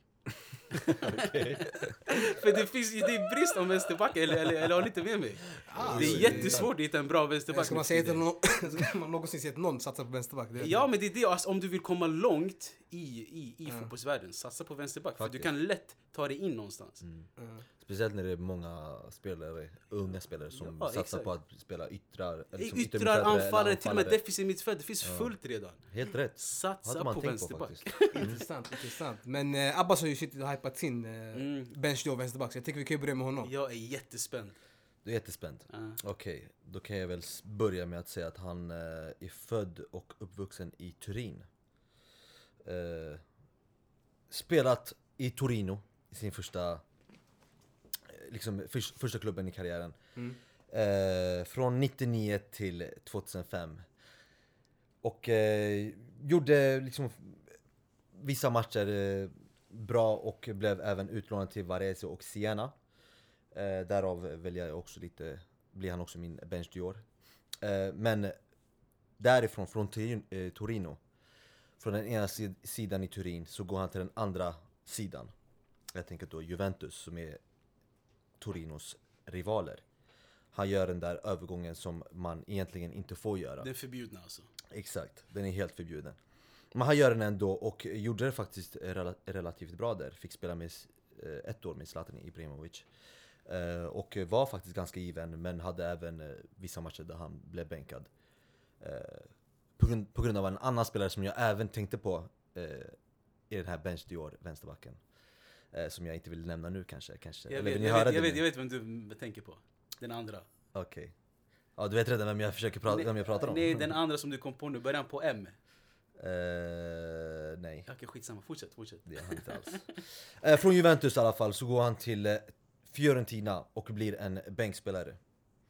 Många tänker wow, hur? Hur är det möjligt? Men då får han väl ta steget ner till Palermo eh, och göra dundersuccé där, riktigt, riktigt bra. Och även få chansen att spela i Roma. Från 2012 till 2015. Vänsterback, vet ni fortfarande inte vem jag pratar om? Det här är en väldigt, liksom en personlig favorit till mig. Väldigt fin spelare, väldigt snabb och väldigt bra inläggsfot. Han liknar faktiskt Cerci i sitt spelsätt. Bara att han är vänsterback. Eh, blond, ni vet fortfarande inte vem jag pratar om. Alltså grabbar, kom igen nu. Italienare såklart. Eh, I Italien fick han inte heller chansen på grund av en annan spelare som jag även ville ta med i, i den här uh, bench Dior. Du får nämna alla. Jag måste börja nämna honom för det, blev... Nämn känns- honom gärna Abbas. Okej, jag började då med att säga hans förnamn. Federico. Jag tror Mustafa också gillade honom som vänsterback back in the days. Ah. I alla fall, hans sista klubb eh, var ju Roma. Och eh, han är just nu 36 år. Men det var 2015, alltså tre år sedan, när han var 33. Eh, han fick då avsluta karriären på grund av en skada som gjorde så att han inte kunde Exakt. komma tillbaka i form. Annars, och eh, Roma har ju haft problem med vänsterbackar.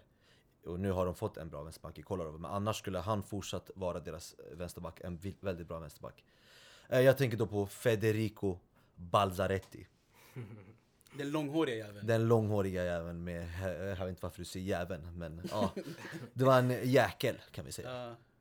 En riktigt bra vänsterback faktiskt. Jag gillade honom. Jag vet inte, det känns som ni är väldigt missnöjda. Nej, nej alltså, jag, det, var länge alltså, jag har glömt bort han helt. men Eller hur? Eller hur? Han, var ju kom- med, han var ju med i italienska truppen, eller hur? Exakt, från 2010 till Ja. 2013. Exakt. För jag, för jag tänkte, vad fan har hänt med honom? Alltså? För han är Ja. inte så gammal heller som du säger. Nej Alltså, exakt, han är han, avslutade karriären när han var 33 på grund av den här skadan som jag nämnde. galet. En väldigt, väldigt fin spelare faktiskt. Så jag ville verkligen ha honom i mitt favoritlag. Men Ja. Synd. Galet bra val måste jag säga. Fint val Abbas. Eh, Mustafa? Ja, Mustafa kör. Eh, förlåt, innan, innan ni... Eller ni kanske vill nämna honom? Jag ska inte nämna honom nu. Nej, men, men exakt, jag tycker, jag tycker alla andra spelare som du har i huvudet, jag tycker vi nämner dem sen när vi har Ja, röstat eh, på vår eh, Mm. eventuella vänsterback. Kör. Ja, mitt val kanske blir lite udda här för att eh, jag hade ett par alternativ men jag kände att jag skulle vända blicken bort från de brittiska öarna mot Italien. Eh, Jag tänker på en vänsterback som eh, Abbas definitivt känner igen. Mm, och det är han säkert jag ville nämna. Att, Den här spelaren var chockerande, fantastiskt bra i landslaget. Men han lyckades verkligen aldrig i, i klubblag. Och då pratar jag om i de topplagen då. I Italien spelade han endast för Inter och Juventus. Juventus. Men eh, i Inter där han bara lyckades vara kvar i en säsong innan han blev såld. Och i Juventus så spelade han i tre säsonger men var bänk för det mesta och även utfryst från truppen 2011.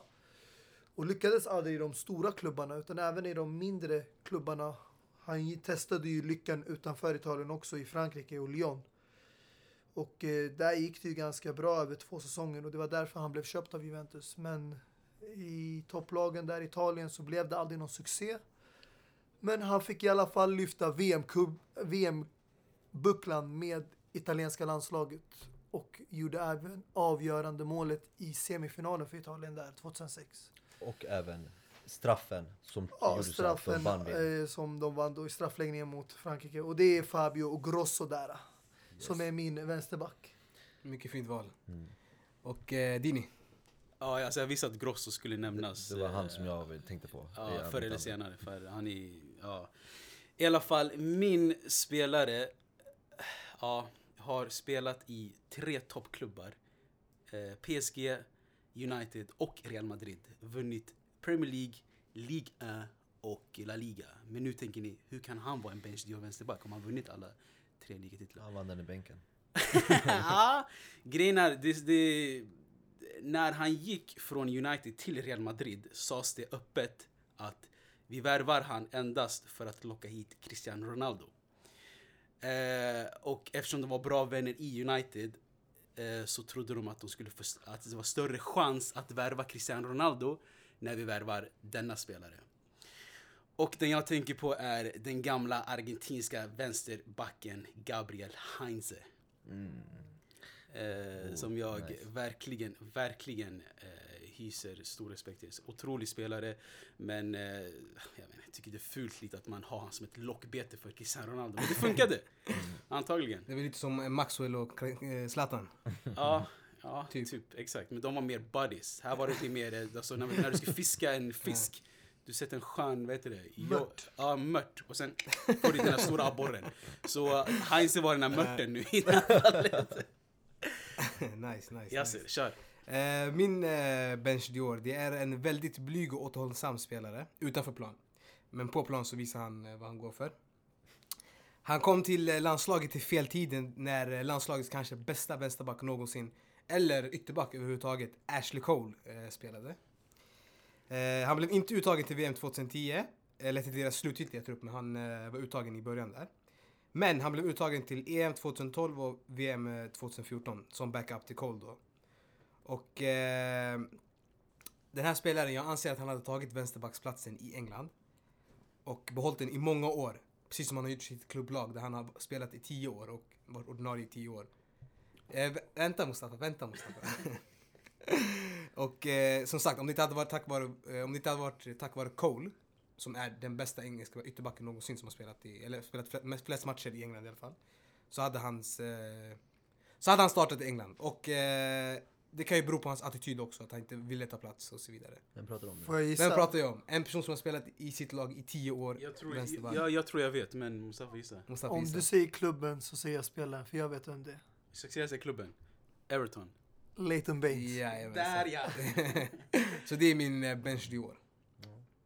Otrolig eh, frisparksskytt alltså. Jag- Det är han också, kan man nämna. Och Han tog, exakt, han tog Exakt. straffar också. Exakt, så han är... En väldigt fin vänsterfot måste jag säga. Mm. fan det känns ju att vi, det känns som att vi har tagit riktigt kvalitativa, bra vänsterbackar. Ja, exakt, jag känner just den här positionen har vi maxat alltså. Det är Mm. fyra skitbra. Jag minns eh, att Leighton Baines, han var väl nära United Mm, en exakt. sommar. Väldigt nära övergång där. När Ja. ni skulle sälja Evra tror jag det var. Innan Ja. ni köpte Luke Shaw. Exakt, jättenära var han och jag, jag, jag hoppades innerligt att han skulle komma. Så Leighton är...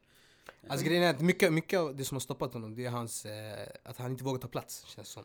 Mm, Han, alltså, eh, mm, ja. han, han vågar inte ta för sig och han är inte Precis. sån som han är bekväm med, upp sig. han är bekväm med Everton, han har spelat där tio år. Lite och- likt som eh, Moussa Dembele. Bekväm där han är, vill inte gå upp på stora scenen. Men det var ju David Moyes som ville hämta honom tillsammans med Fellaini till United, men eh, misslyckades där. Han hade för mycket kärlek för sin klubb. Mm. Men eh, ska vi, det kanske blir en svår röstning, men ska vi rösta? Ja, Är det någon som vill börja? jag, jag, jag tror jag kan börja, även om det har varit tre bra vänsterbackar förutom min då. Så måste jag rösta på Balzaretti alltså. En otrolig, alltså en spelare som kan komma in i vilket lag som helst och göra ett otroligt jobb. Eh, så Balzaretti är, min röst. Mustafa? Jag eh, hade tänkt att ta någon från Premier League, men jag ville hålla mig utanför England. Så jag kommer rösta på Leighton Baines, för jag gillade honom och eh, jag tror det är verkligen synd att vi aldrig kommer få se honom i en stor klubb. Mm. Abbas? Ja, det är faktiskt svårt, jag vet inte men...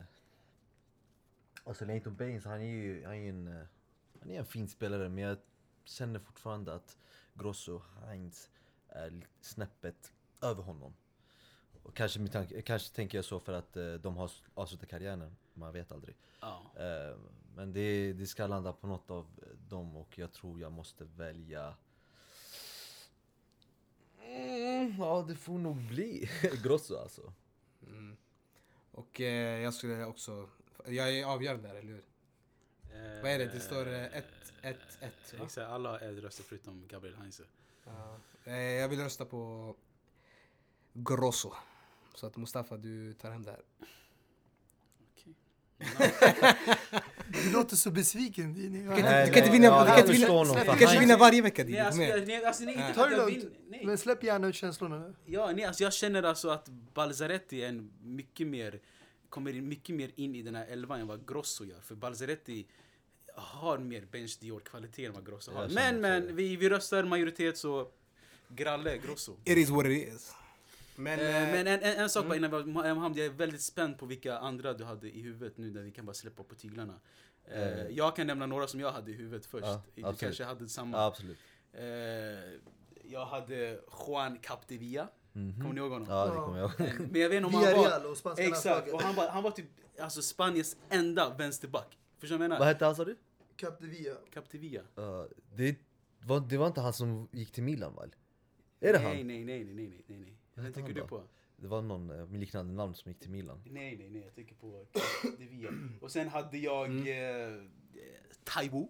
Exakt. Ah. Vet du var han spelar nu? AFC eh, Eskilstuna.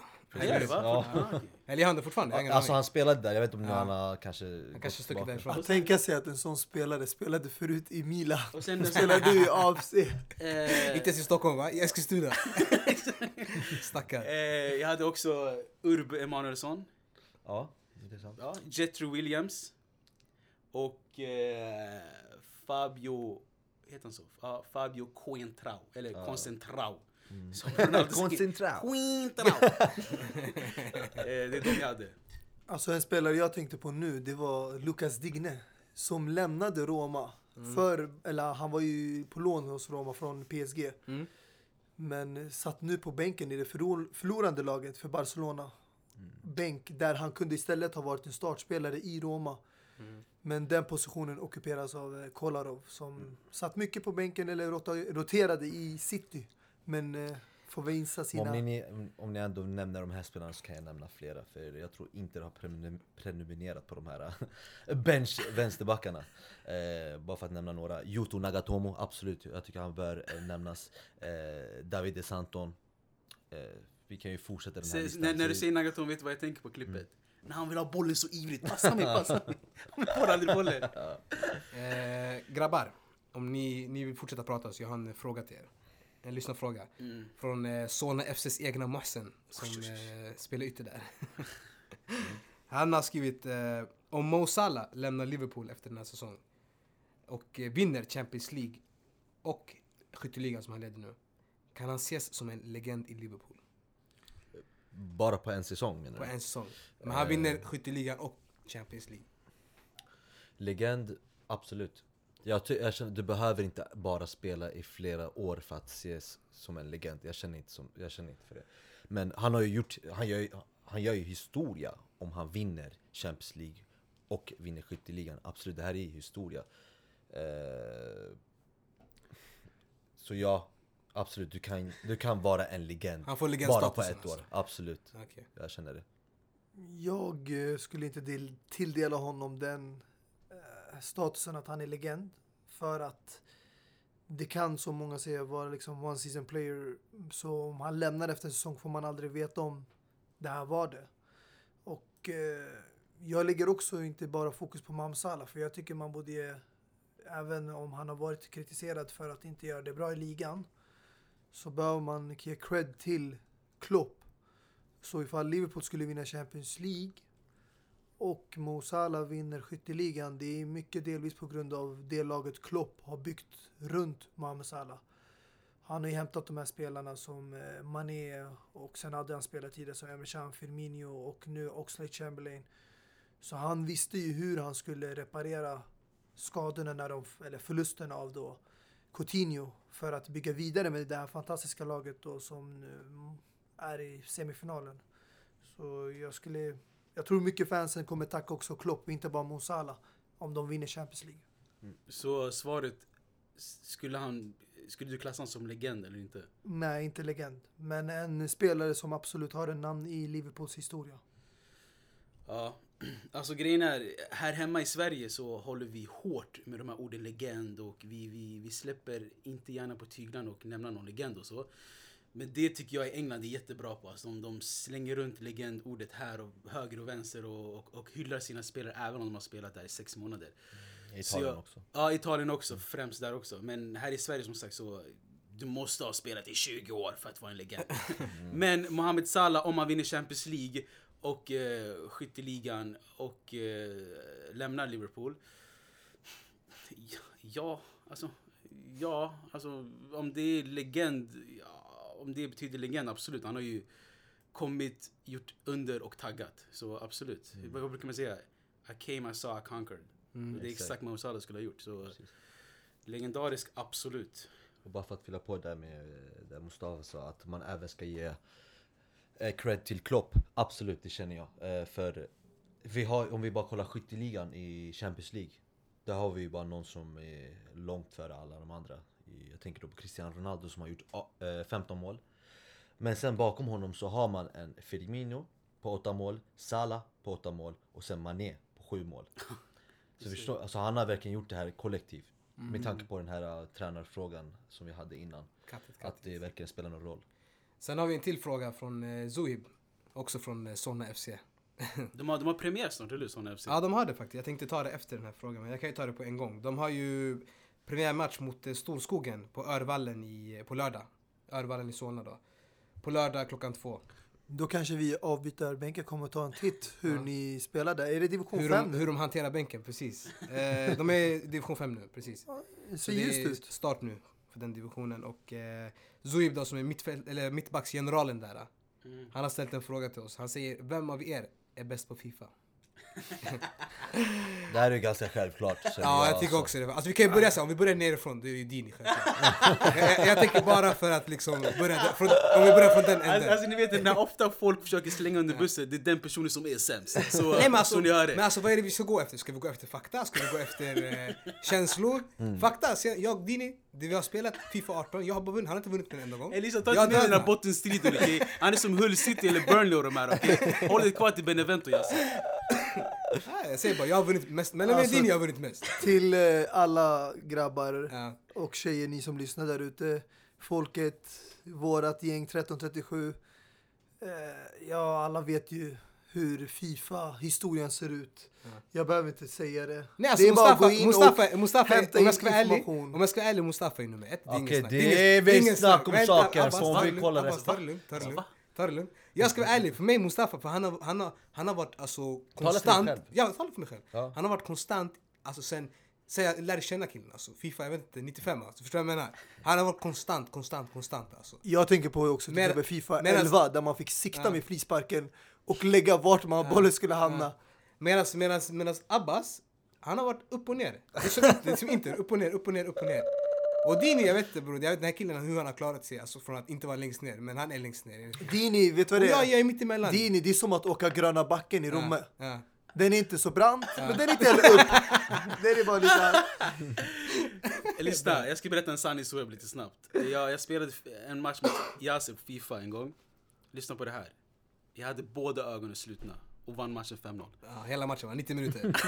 ja. Nej jag driver, men lyssna. Det är, lyssna Yasser, whatever makes you sleep at night baby. Men alltså det är ju statistik. Absolut. Fifa 18.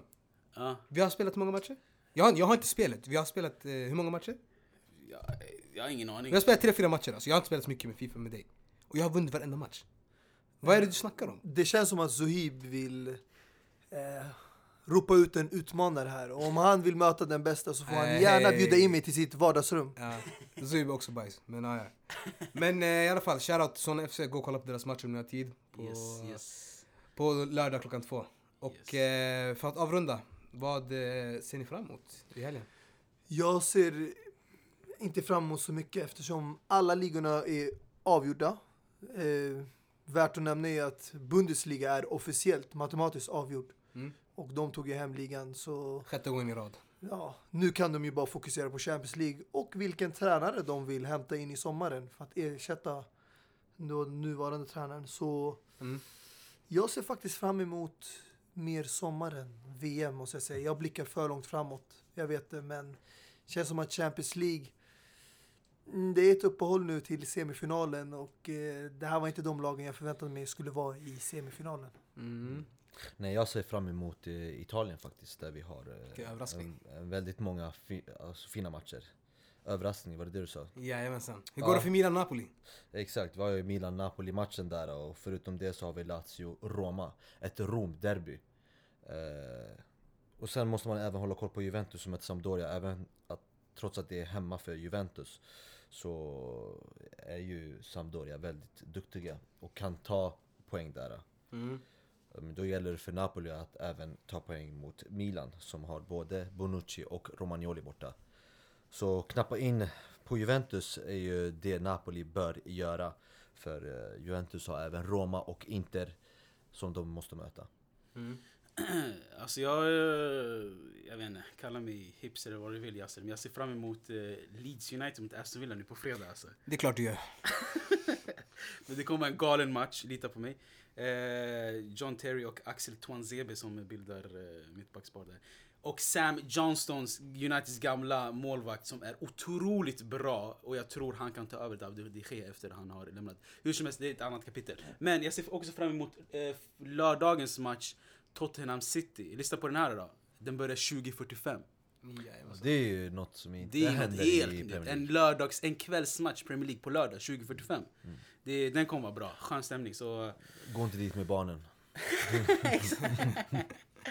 Ja, jag ser fram emot eh, Barcelona-Valencia där Barca har chans och eh, gå om Real Sociedad efter 38 oslagbara matcher. Och det är så Barca-fans tänker efter deras förlust mot Roma. Jajamensan, vi, men vi är, tillbaka, vi, vi är ju tillbaka i Champions League nästa säsong. Det är ju ganska garanterat och ja, jag tänkte säga samma sak för inte det kan jag inte göra. Men eh, United är ju där, Chelsea, mm. Men det roliga, kanske näst, nästa om de vinner det roliga är att du har ju nu tagit för givet att de platserna som man besitter nu kommer fastslås i slutet av Så säsongen. du menar att Chelsea kommer ta en Champions League-plats? Nej, Jag snackar inte om Chelsea bara, men jag snackar om allmänt. Alla kan tappa. Det är Alla kan tappa, men vi kommer inte tappa. Barcelona kanske inte kan matematiskt, men när de får någon gång spela i en liga som Premier League, Mm. då kan vi börja prata. Då kan vi börja prata. Och eh, det är en annan grej faktiskt som jag ser- ser fram emot imorgon. Då är det ju Champions League-lottningarna för semifinalerna. Vi har ju. Roma, eh, vi har ju Real Madrid, Bayern München och vilka är det sista laget nu tänker jag på? Liverpool såklart. det, Eh, Jag kan jättegärna Vad, säga... vad, vad tror ni kommer hända? För Real kommer vinna då. jag det är vill gärna se Real Madrid Mot, mot Liverpool. okej. Där Cristiano, gamla före detta United-spelare, får möta Liverpool. Och se den där duellen mellan Mo Salah och Cristiano. Och eh, sen vill jag gärna se ett eh, stjärnspäckat Bayern mot eh, skrällisen Roma då. Skulle vara en intressant match att se eftersom nu Bayern München har inte övertygat i, när de eh, spelade oavgjort 0-0 hemma mot Sevilla. Det är första gången jag tror de går mållösa i Champions League på länge på hemmaplan. Så jag vill jättegärna se hur de blir utmanade av Roma. Ja, och det är, det är väl första gången på länge där inga av våra lag spelar slutspelet i Champions League. Så vi kan tillsammans kolla med neutrala ögon och bara njuta av matcherna. Men jag vill helst, helst se Real och Liverpool i final. Den kommer vara sjuk. Mm. Abusi.